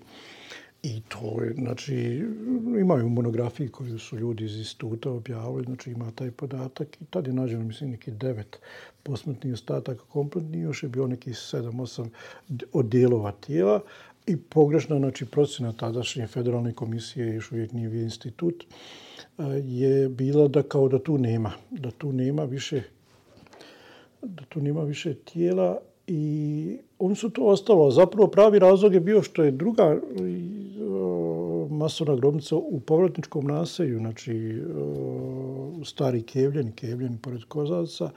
Tu je pronađena te 2004. Ta, tu je recimo ostaci posmetni mog oca su pronađeni u toj to je bukvalno, uglavnom su sve bili tu logoraše iz Kerata u toj grobnici. I tu je neki 383 tijela je ukupno bilo. Bilo je više tih slučajeva, bilo je 456 vreća. Znači, oni su onda napustili su u Tomašcu i otišli su da, da rade ekshumaciju u povratničkom naselju, zato što tu ljudi se vraćaju, pa je tu ono. Zgodnije ovo se ostalo. Umeđu taj službenik koji je bio iz, iz, države, iz te federalne komisije, on je dobio neku suspenziju, pa je bio nešto izrevoltiran, tri godine se vraćao sudskim putem, da se ponovo vrati i on je zatajio tu informaciju. Nisu ga nikad vratili ovdje, on je zatajio tu informaciju, da bi ta ista osoba koja je Znači, njega vodila na tu lokaciju 2004. i gdje sam i ja bio i gdje smo obilazili. Znači, da je ponovo ta ista osoba, taj Srbin, je otišao i onda ovima rekao, ljudi, vi niste gore povodili, gore su tijela. Znači, niste. Ona jeste bila u jednom trenutku uznemiravana. Dio je tijela prevezen na sekundarnu grobnicu i jakarna kosa, ali nije sad ispostavilo se da na kraju ukupan jel, epiloge sa te lokacije 435. I to nije najveća, znači, vasovna grobnica nije najveća ni u Bosni i Hercegovini. Ali je to trebalo u tom trenutku, znači to 2013 na 2014. trebalo je to kao priča o naj, naj, mi ono, na, nažalost patimo tih naj, naj, naj. Tako da je ona a, isforsirana da je bila najveća baš zbog toga kao u jednom trenutku da je bila najveća, da, je, da su tijela odvežena, da, jesu neka u, u Jakanu kosu, a u Jakanu kosu su 324 je gore ukupno bilo ono, posmrtni ostataka, nekompletni, kompletni, ali je iz druge, iz te jak, iz tih starih kevljara su isto prevezeni iz mnogih drugih lokacija, recimo ovaj Izet Mešić, on nije bio u Tomašcu, nego je ono, e, prebačen gore sa neke druge lokacije u Jakanu. Znači, napravo su tu da, da, da imaju u to vrijeme naj, najveću masovnu grobnicu, napali su toliko veliku priču da se na kraju, je ono što uvijek dođemo do toga, da postane važna ta grobnica, ne ti ljudi koji su nađeni, znači oni su samo broj, sad nikoga izvan prijedora, ne, niko ne mogu ni jedno ime namjesto ti ljudi, znači, a svi znaju za to masu. To je bila planetarna vijest, ono, toliko je ono bilo objavljeno. Ali to bilo na štetu, znači, i ti e, žrtava genocida, znači, crni vrh kozvornika je sa najvećim brojem tijela. A opet nije to ni najveća u, iz 90. u bivšoj Jugoslaviji. Znači, najveća grobnica ikada pronađena je Batajnica, znači sa Albancima koji su jel, sa Kosova doveženi ba, bačani. I e, tu, ono, mi, jel, tu mediji su opet saučestvovali, znači niko ozbiljno ne želi da to istražuje, da to do kraja rasvijetli, tako da... Od početka se problemu rešavanja, jel, pitanja nestalih pristupilo se pogrešno. Znači, veoma malo je država i entitet su veoma malo resursa odvojili za tu potrebu. Mi na kraju imamo i dobre rezultate koliko je malo ljudi bilo angažovano. Nažalost, oni su to odlučili da riješe putem komisija. Još je Čečilo rekao, ako želiš da se neki problem riješi, ne riješi, onda formiraj komisiju. I to nas je stiglo. Znači, imali smo te entitetske komisije, pa smo, odnosno nacionalne komisije, pa smo onda imali to objedinjavanje institut, ali se tu nije ništa desilo. Znači, e, institut e, sa svojim istraživačima koji nemaju kvalifikacija i koji pogotovo nemaju nikakvih ovlaštenja koji ne mogu znači, saslušavati, ne mogu pozivati direktore komunalnih prezeća, šefove civilnih zašta, Znači, ne mogu ni prikupljati informacije. Ovo sve što se do sad pronašlo, to je bilo zapravo zbog nemara. Znači, masovne grobnice su pronađene zbog nemara onih koji su pravili te masovne grobnice. Oni su mislili da se to nikada neće niko ni tražiti, da je to će jednostavno prekriti ono trava zaborava. Međutim, taj nemar je dobio do toga da su te masovne... I to je dalo to neko statistici. E, ono što je najveći problem i što je sada problem kod ovih 500 i neki 40 prijedočana koje treba pronaći, da se to radi o manjim grupama, o manjim znači, ono, grobnicama i ono što se veoma često de, dešava o pojedinačnim slučajima koje je najteže pronaći. Znači, ako je neko... Ovdje su mjesecima još lovili ljude po šumama koji su pokušali tamo na spas. E sad te ulovljene po šumama, ako su ubijeni negdje daleko od ceste, od komunikacije, na nekim lokacijama, će biti najteže pronaći. A bilo je slučajeva znači, da neki lokalni planinari e, prijave da su pronašli neko tijelo koje je izbacio potok gore u Kozari, da bi komisija prija, dobro prije u septembru ove godine, izađu tek u maju iduće godine i odu gore ne ima potoke preko zime i odnije opet te koste. Tako da je cijelo vrijeme taj nemaran odnos i doveo do toga da, da sada teško da će ovi 540 biti pronađeno ikada jer nema više tih situacija da bukvalno ljudi raščišćavaju kuće, zgarišta, pronađu koste, do koru njivu pronađu koste, toga više e, skoro da nema. Ovo što bi se moglo znači sada, to je samo za osnovu informacija koje imaju jel, lokalni Srbi i one su a, moguće i mislim da nema ni jedne ni jednog nestale osobe, da barem dva sa čoveka živa u Prijedoru nemaju da, da ne znaju gdje je taj lokalitet. E, ono što bi jedino je efikasno bilo da, da se uključe policijske agencije koje su cijelo vrijeme bile isključene izvan ovoga, da, da se zaduže u prijedoru bi bilo dovoljno dva inspektora za dušt, recimo ništa drugo ne radite, samo to radite, ali toga vam zavisi plata, toga vam zavisi na kraju radno mjesto. Ti ljudi bi ove slučajeve riješili za, dva, za, za dvije godine, znači riješili, mogli bi riješiti skoro sve ove slučajeve, osim tamo gdje je baš došlo do uništenja e, posmrtnih ostataka. I to bi bio rješen problem za sva vremena, međutim, to nije bilo jel, nikada ono, praksa. Tako su neke bizarne situacije u ovome trenutku kada je se pronađe neko dijelo tijela, policija se uh, angažuje samo za čuvanje tih tijela. A, znači, pa se angažuju onda za forenziku da dođu da poslikaju, pa se angažuju onda da budu na identifikacijama, znači službeno policija su u, u, u identifikaciji najvažnija institucija A tamo gdje bi bio najpotrebniji na tom prikupljanju informacija, tamo je neko razvlastio. Znači, ovamo su svakdje uključeni, ali tamo gdje bi bio najpotrebniji, najkorisniji, gdje imaju najveće ljudske i tehničke kapacitete, tamo je neko oslobodio, iako i zakon oslobađa. Znači, svi zakoni su, ono, primarno je policija trebala biti tako ja u tome učestvuje. Nažalost, nije to bilo riješeno na početku kako treba i najvratnije neće biti za naših života i tako da će taj problem, a to u slučaju mome gdje moja mati još živa. Ja, iako sam pomogao da sam možda i, i, i, i više desetina, ako ne i više stotinu, stotina ljudi da se pronađu njihovi posmrtni ostaci. U slučaju mog brata nisam postigao to i ja imam takvu jednu tegobu i ona ima tu, njena je sva potreba na tome da do, dođe do tog nekog smiraja, da ima taj neki mezar gdje može proučiti Fatihu tom svom djetetu. Ali, mislim, stojebe, to je to. Čak sam... Nadam se da ćete ipak uspjeti među, pronaći među, ostatke. Među prvima sam bio u toj apelaciji prema Evropskom suzu za ljudska prava podnije iz Bosne i kao porodice nestalih koje su podnijele apelaciju tamo i ona je odbačena na način da nisu ne ulaze u meritum. Ono, objašnjeno je da je država Bosne i Hercegovine uradila dovoljno po pitanju nestalih, kao da se ne može država a, po tom osnovu tužiti, tako da sam vidio da to tijelo Europske suzivska prava je to jedna šarena laža, to je samo privid tog nekog mehanizma za ostvarivanje prava. I u slučaju tog mog brata nije država ništa uradila, još uvijek je nepronađen. Znači, a ja, ja sam imao toliko dokaza da zapravo policija, poli, da država nije angažovala svoje resurse na, na, na pronalasku. Ali tako nam je, jel? A, evo, vi ste dugo vodili inicijativu za izgradnju spomenika u djeci, ubijenoj djeci Prijedora. 102 djece ubijeno u prijedoru. E, u jednom trenutku bili ste vrlo blizu jel, da se taj projekat realizira. Uh, mijenjale se vlasti, mijenjali se gradonačelnici. E, šta je danas sa tim, sa tom idejom? Pa eto, imali smo, nažalost, situaciju četiri gradonačelnika od te 2014. kako smo podnjeli tu inicijativu do danas i četiri predsjednika Skupštine su a, promenjena, iako nije bilo toliko ni, ni izbora, ali su se oni mijenjali.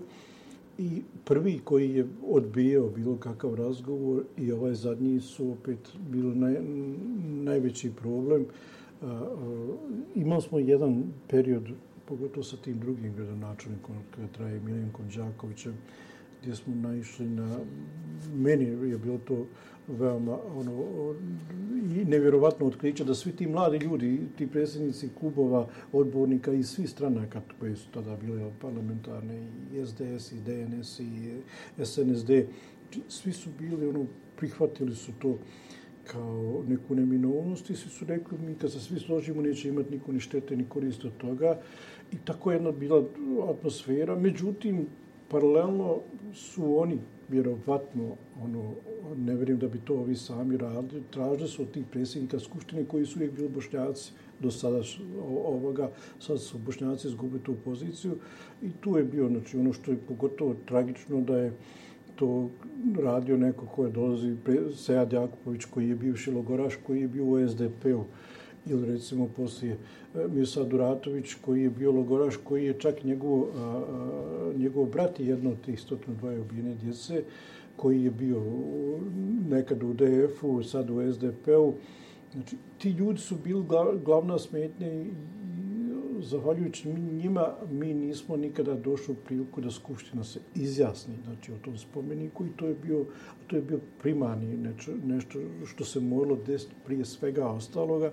Tako da smo sad ušli u tu situaciju u kojoj sadašnji gradonačelnik Slobodan Javor apsolutno ne želi da, da, da nas ono tretira kao ljude. Znači, bukvalno ni uz to neko posredovanje evropskih parlamentaraca odbio je a, bilo kakav pokušaj tog e, pre, e, čovjeka koji je predstavnik inicijative Tirotio i Fiketa Bačića da dođe do njega, apsolutno ono je onemogućen bukvalno dehumanizirao nas je opet sve kao što Ponovo. to 92. Ono, smo dehumanizirani, ne smatra nas više jel, ni, ni, ljudima, ni kao neko ko, ko može ni, ni, ni da priđe da razgovara o tome. Izbjegava, evo sad je izbjegao a, ambasadora iz OSCE-a koji je dolazio zadnji po tom pitanju, znači izbjegao ga da, da se sastane i on i predsjednik Skupštine, ne žele, nisu se ovo izjasnili kada je Evropska komisarka za ljudska prava Dunja Mijatović je pisao, sad čekamo opet da li će ona moći nešto da uradi.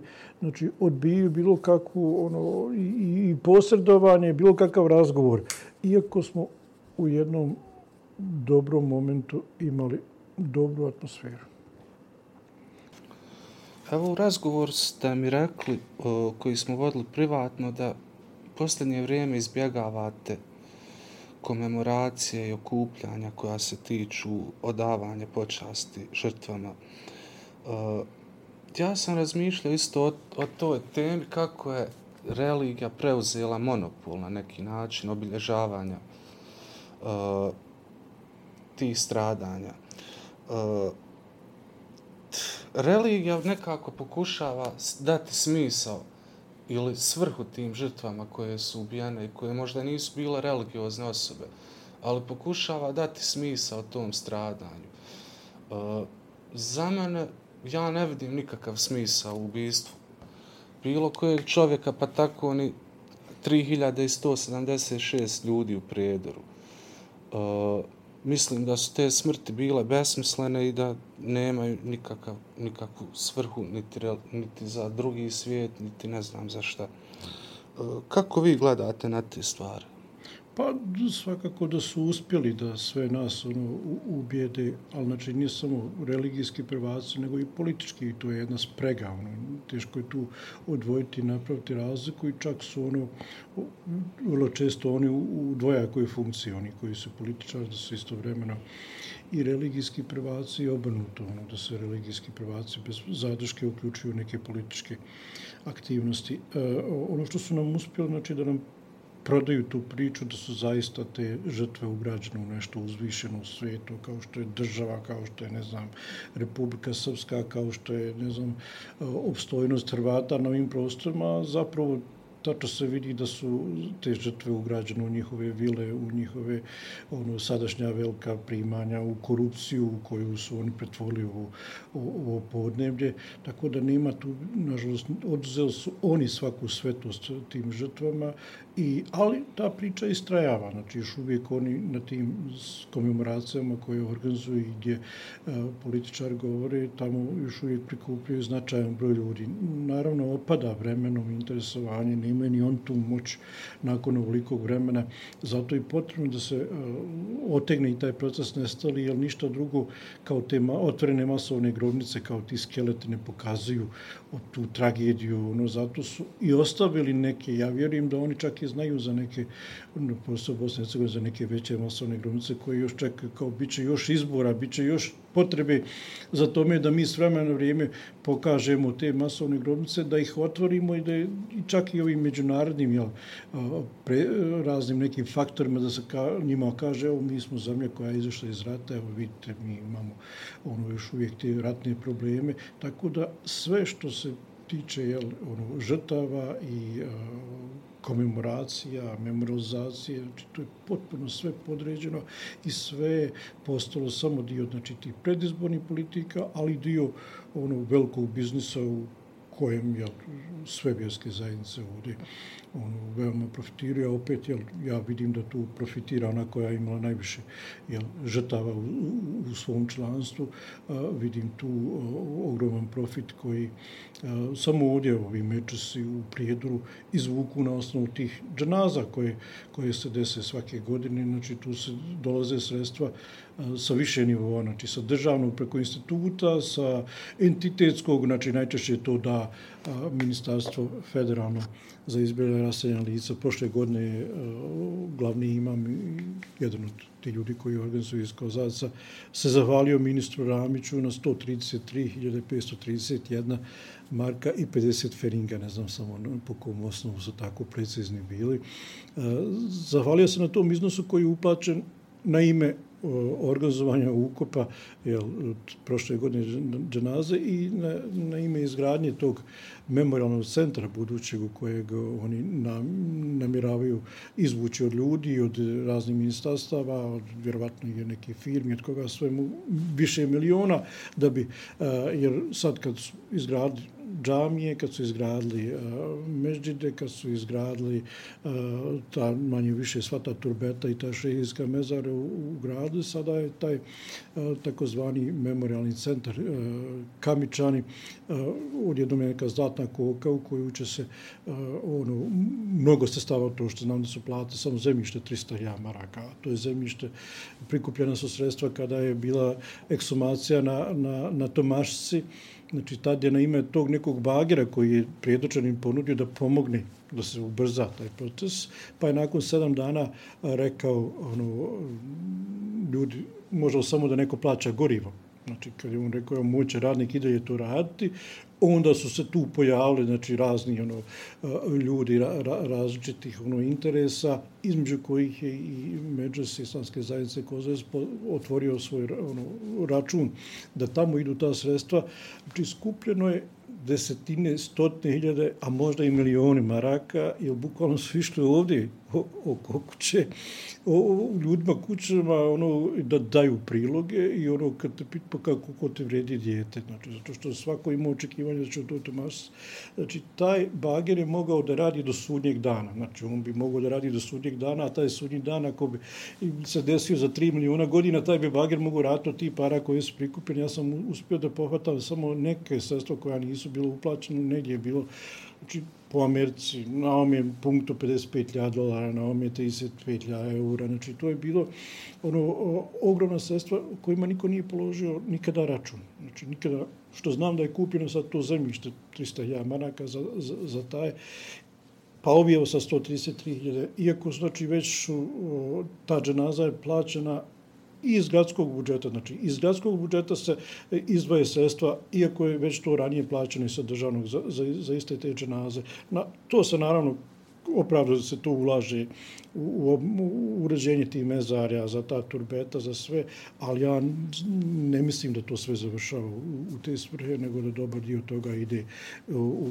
u, u izborne kampanje stranaka, jer kad to legne na račun islamske zajednice, onda to više nema nikakve kontrole, ta sredstva se mogu, a naravno dobar dio toga mo, može, znači u ovakvim okolnostima završiti na privatnim jel, računima i ja vidim tu jednu strašnu zloupotrebu, znači žrtvu i profitiranje na, na, na, na, na ime žrtava i pokušao sam, znači tada sam se ono kao pojedinac, ono, pokušao sam suprostaviti, dobio sam ono ogromne prijetnje od tih ljudi koji su vidjeli u tome interes. Naravno da to nije samo znači tu se pojavilo čitava grupacija, neki ljudi kao zainteresovani da skupljaju okolo taj novac. Nikada niko nije položio račun. Znači, to je bilo na kraju sramota i, i na račun države, tuž, državnog tužilaštva, jer su postala, znači, dovoljno je bilo novca za eksumacije, stvar je bila samo procjeni toga predstavnika tužilaštva, nije tužilac nikad tu ni dolazio, znači, osim na neka slikanja, nego je imao svog ovlaštenog ono, a, pomoćnika, znači, samo je bilo procena hoće li jedan bager raditi tri mjeseca će tri bagera raditi jedan mjesec. To je, znači, isti je trošak na kraju i ono, to je bila procena njegova, tako da taj bager je bio nepotreban i to je bila sramota državi, kao da sad ljudi moraju porodca žrtava da plaćaju za eksumaciju, ali se to desilo, znači, i dešava se i sve se to koristi, znači, komemoracija, spomenici, turbeta, to se koristi da se u stvari ogroman ono, priliv novca desi, tu ljudi još uvijek imaju sentiment, tu svi daju, no, zato što je to kao za žrtve to je. A zapravo, s druge strane, nemaš ništa, naš, nema, ne, ne, nemaš nikog odgovora, nemamo tih centara koji bi mogli pregoniti ratne zločince. Nemamo tu priču. Znači, sva priča oko, oko žrtava se svela na to, nađe svoj kost, imaš svoj mezar, imaš neko turbe, da je to fino kad odeš tamo na mezar i to je to. Niko ne kaže, ljudi priča o nestalim osobama, se zadrža, završava sunice tamo je... Na ovom svijetu. To, tu je, tu je obaveza ono da, da, da mi sve uradimo da, da, da oni koji su odgovorni za nestrank, za ubijanje tih ljudi, da na kraju ono osjete ono neku, neku pravdu ovdje. Međutim, to je, kad to uzme ono, vjera, onda je tu može se metafizički ono, to uvijek da će oni biti kažnjeni na onome svijetu, što je naravno ono, potpuno jel, ne dokazuo. Pa što, što ljude ovdje stvara osjećaj kod njih da i oni nisu ništa dužni. Znači ovdje bukvalno svako je sve, sve o svu tu svoju neku ulogu u tome da daj da zakopamo oca, da, brata. Bukvalno mi sve to što je neki naš može tereti, što je neka naša obaveza prema tim mrtvim ljudima, mi je zakopamo u zemlju i tu se naša neka priča. Znači ono, slušam koje, ja sam svoga zakopao, eto ja sam svoj dug ispunio. Znači, znam da nije bio ni svjedok, nije podio prijeve, nije, nisi ništa uradio, ali nažalost tako ih je dovelo, ono, dovela i sva ta govorancija koja bude na tim ono, kolektivnim ispričama. Na, na, nažalost preuzeo, ja sam započeo sve te komemoracije u prijedoru, te posjete, kako smo im izvali logorima, Omarska, Keretem, Trnopolje, ne znam, Korčanske stijene, i odolijelo smo, znači naše bio onda jedino što smo mogli da pustimo ja, ako dođe član predsjedništva, znači on se može obratiti, ne može niko drugi političara, nekad dobro došli su svi da dođu, ali nema obraćanja njihovog. Dok se nisu onda dosjetili da političar, znači dvojica političara su osnovali dva logoraška udruženja i bukvalno sam ono izburan i istjeran tako da je unazad nekih 7-8 godina ja ne idem na te komemoracije koje se započeo i gdje su i moji jel, ono, rođaci i prijatelji ono, ubijeni. To je bio razlog zašto sam ja to i komemorirao. Sad ne idem zato što ne mogu da slušam te ono, bratiće, ne znam, neke druge poličare, niže rangirane. Ono što je još najveća tragedija, ono, da na tim našim komemoracijama ne dolaze Clinton, ono, nego neki trećerazredni, ne, do, ne dolaze ono, ono, članovi predsjedništva, nego neki ono, lokalni, ono, stranački ljudi. I što je naravno jel, još i, i, i dodatna dimenzija te uzaludnosti tog nekog političkog ono, pretvorili znači komemoracije, bukvalno ne, ne postoji više ni jedna, osim tih dana bijeli trake koji mi držimo još ono koliko možemo izvan ono, tog domašaja politike, ali upravo to naša pažnja koju mi dobijamo medijska i koja je opet e, do, dovela do toga da glavna priča pedoska je priča o logorima, znači to je naša glavna pa onda možemo i sve drugo, i taj broj žrtava i sve drugo, možemo, ono, da je to bila težište na tome priča. Mi smo sad, kako smo jedino ostavljen tu na ulici i u danu bijeli traka, mi smo uspjeli da od prijedor, sva priča o prijedoru, 90% priče je svedena na taj dan bijeli traka. I to im je onda postalo, umjesto da su oni radili da, da na tim komemoracijama koje oni organizuju, da, da dolazi više ljude, da, da im daju smisla, da im daju komemorativne. Znači, desi se komemoracija u Kereteru Momarsko da se ne pomijenu uopšte ni jedno ime od ti ljudi ubijeni tu. To nije komemoracija, ali se pominju stvari koje su jel, dnevno političke, koje su ono, bitne, koje su statusna prava kao ti logoraša preživjeli u kojima nikada nije nikakvog pomaka bilo.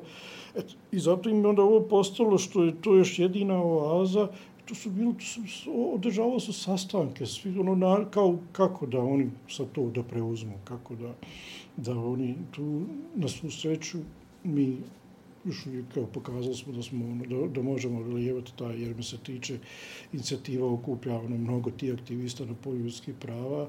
Imamo na kraju dobru saradnju tu i sa lokalnom policijom, tako da, da nam ne mogu doći neki desničari, ne mogu nam doći niti stranički ljudi, ne mogu preuzeti. Ono, eto ja sam bio spreman. Zbog, zbog tog vašeg pristupa i da. načina na koji pokušavate jel, da ne dopustite politizaciju ovih obilježavanja, našli ste se i na tapeti bošnjačkih nacionalista.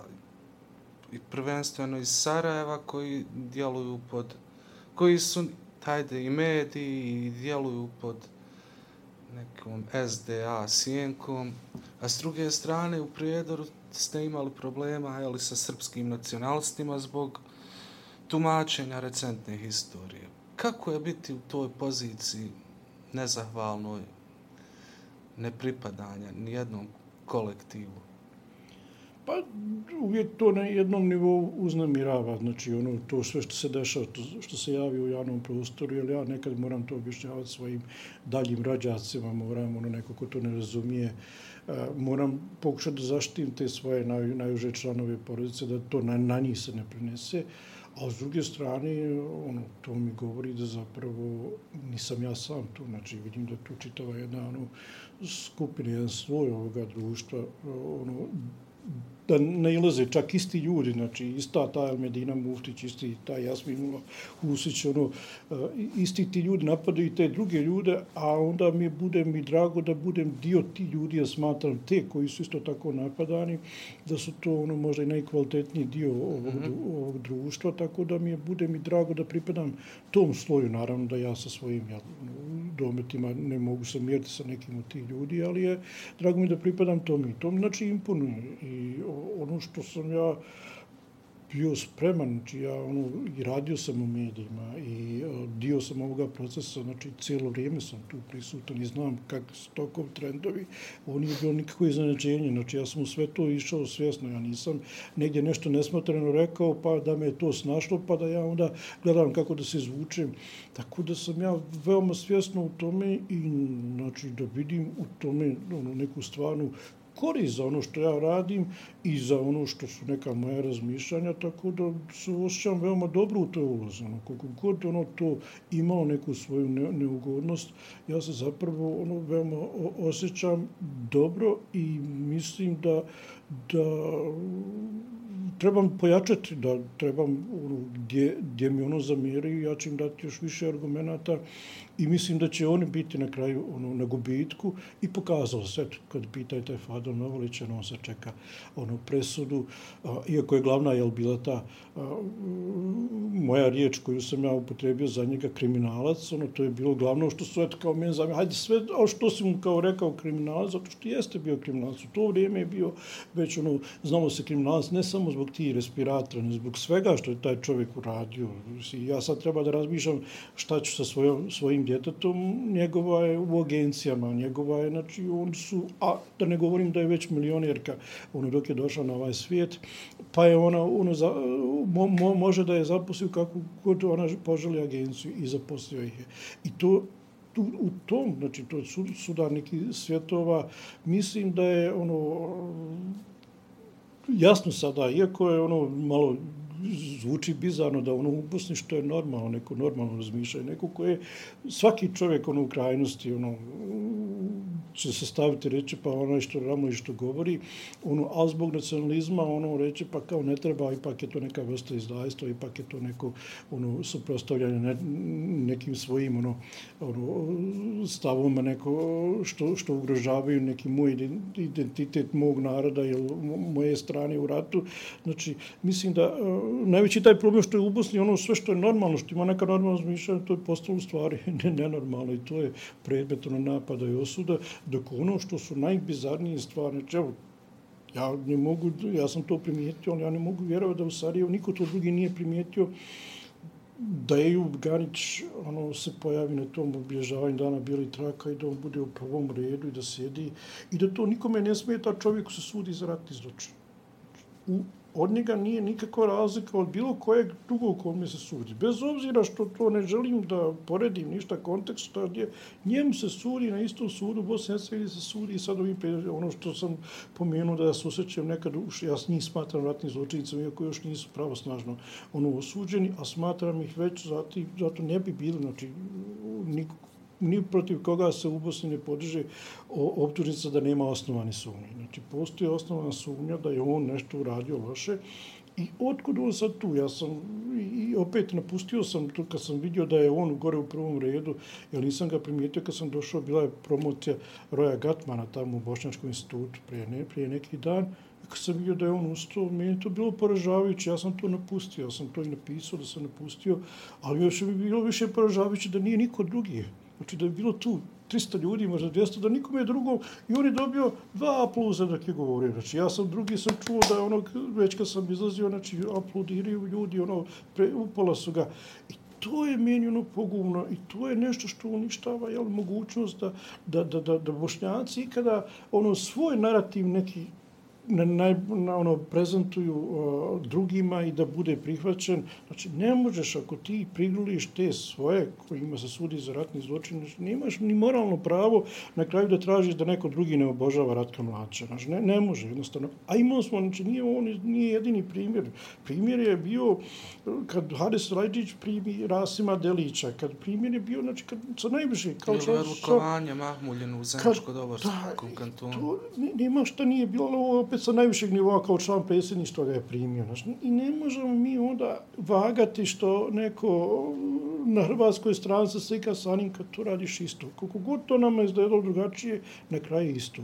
Tim ljudima se sudu za ratne neko, ako, ako se oslobodi pravosnažno, onda mu daje. Ali dok traje proces, on je isti status kao što je Milošević imao. Milošević nije osuđen. Svako će se složiti reći, ono, on, je, eh, on, je, on je ratni zločin. Svako se od nas može i u Srbiji će se svako složiti, ali on nije pravosnažno osuđen. Znači, ne možemo, bio je u toj fazi, sudlomo se. Tako da, ne, ne znam, ono, mi, smo, mi smo bezizlazno društvo u tome da ne možemo nemamo dovoljno broj ljudi, o, imamo možda i obrazovanje, masa tih diploma se može nabaviti na svakakve načine, ali nemamo jednostavno ljudi dovoljno koji razumiju šta su štetni trendovi, šta su štetni procesi, a na kojima jašu jel, prije svega stranke političke, a naravno i vjerske zajednice, ali naravno i razne kulturne i naravno neke akademije. Ove, jel, mi sad imamo tu najezdu nekih tih a, a, akademika i akademija. Oni svi još jašu jednako jel, kao i ovi iz pomenutih institucija organizacija. Hvala vam na ovom istrpnom razgovoru koji je na trenutke bio i težak i moje iskreno poštovanje za ono što ste radili i načinu na koji ste to radili.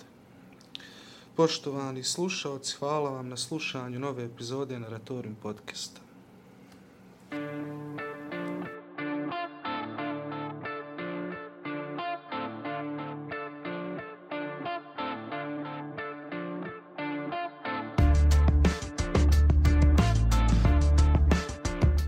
Slušali ste Naratorium podcast.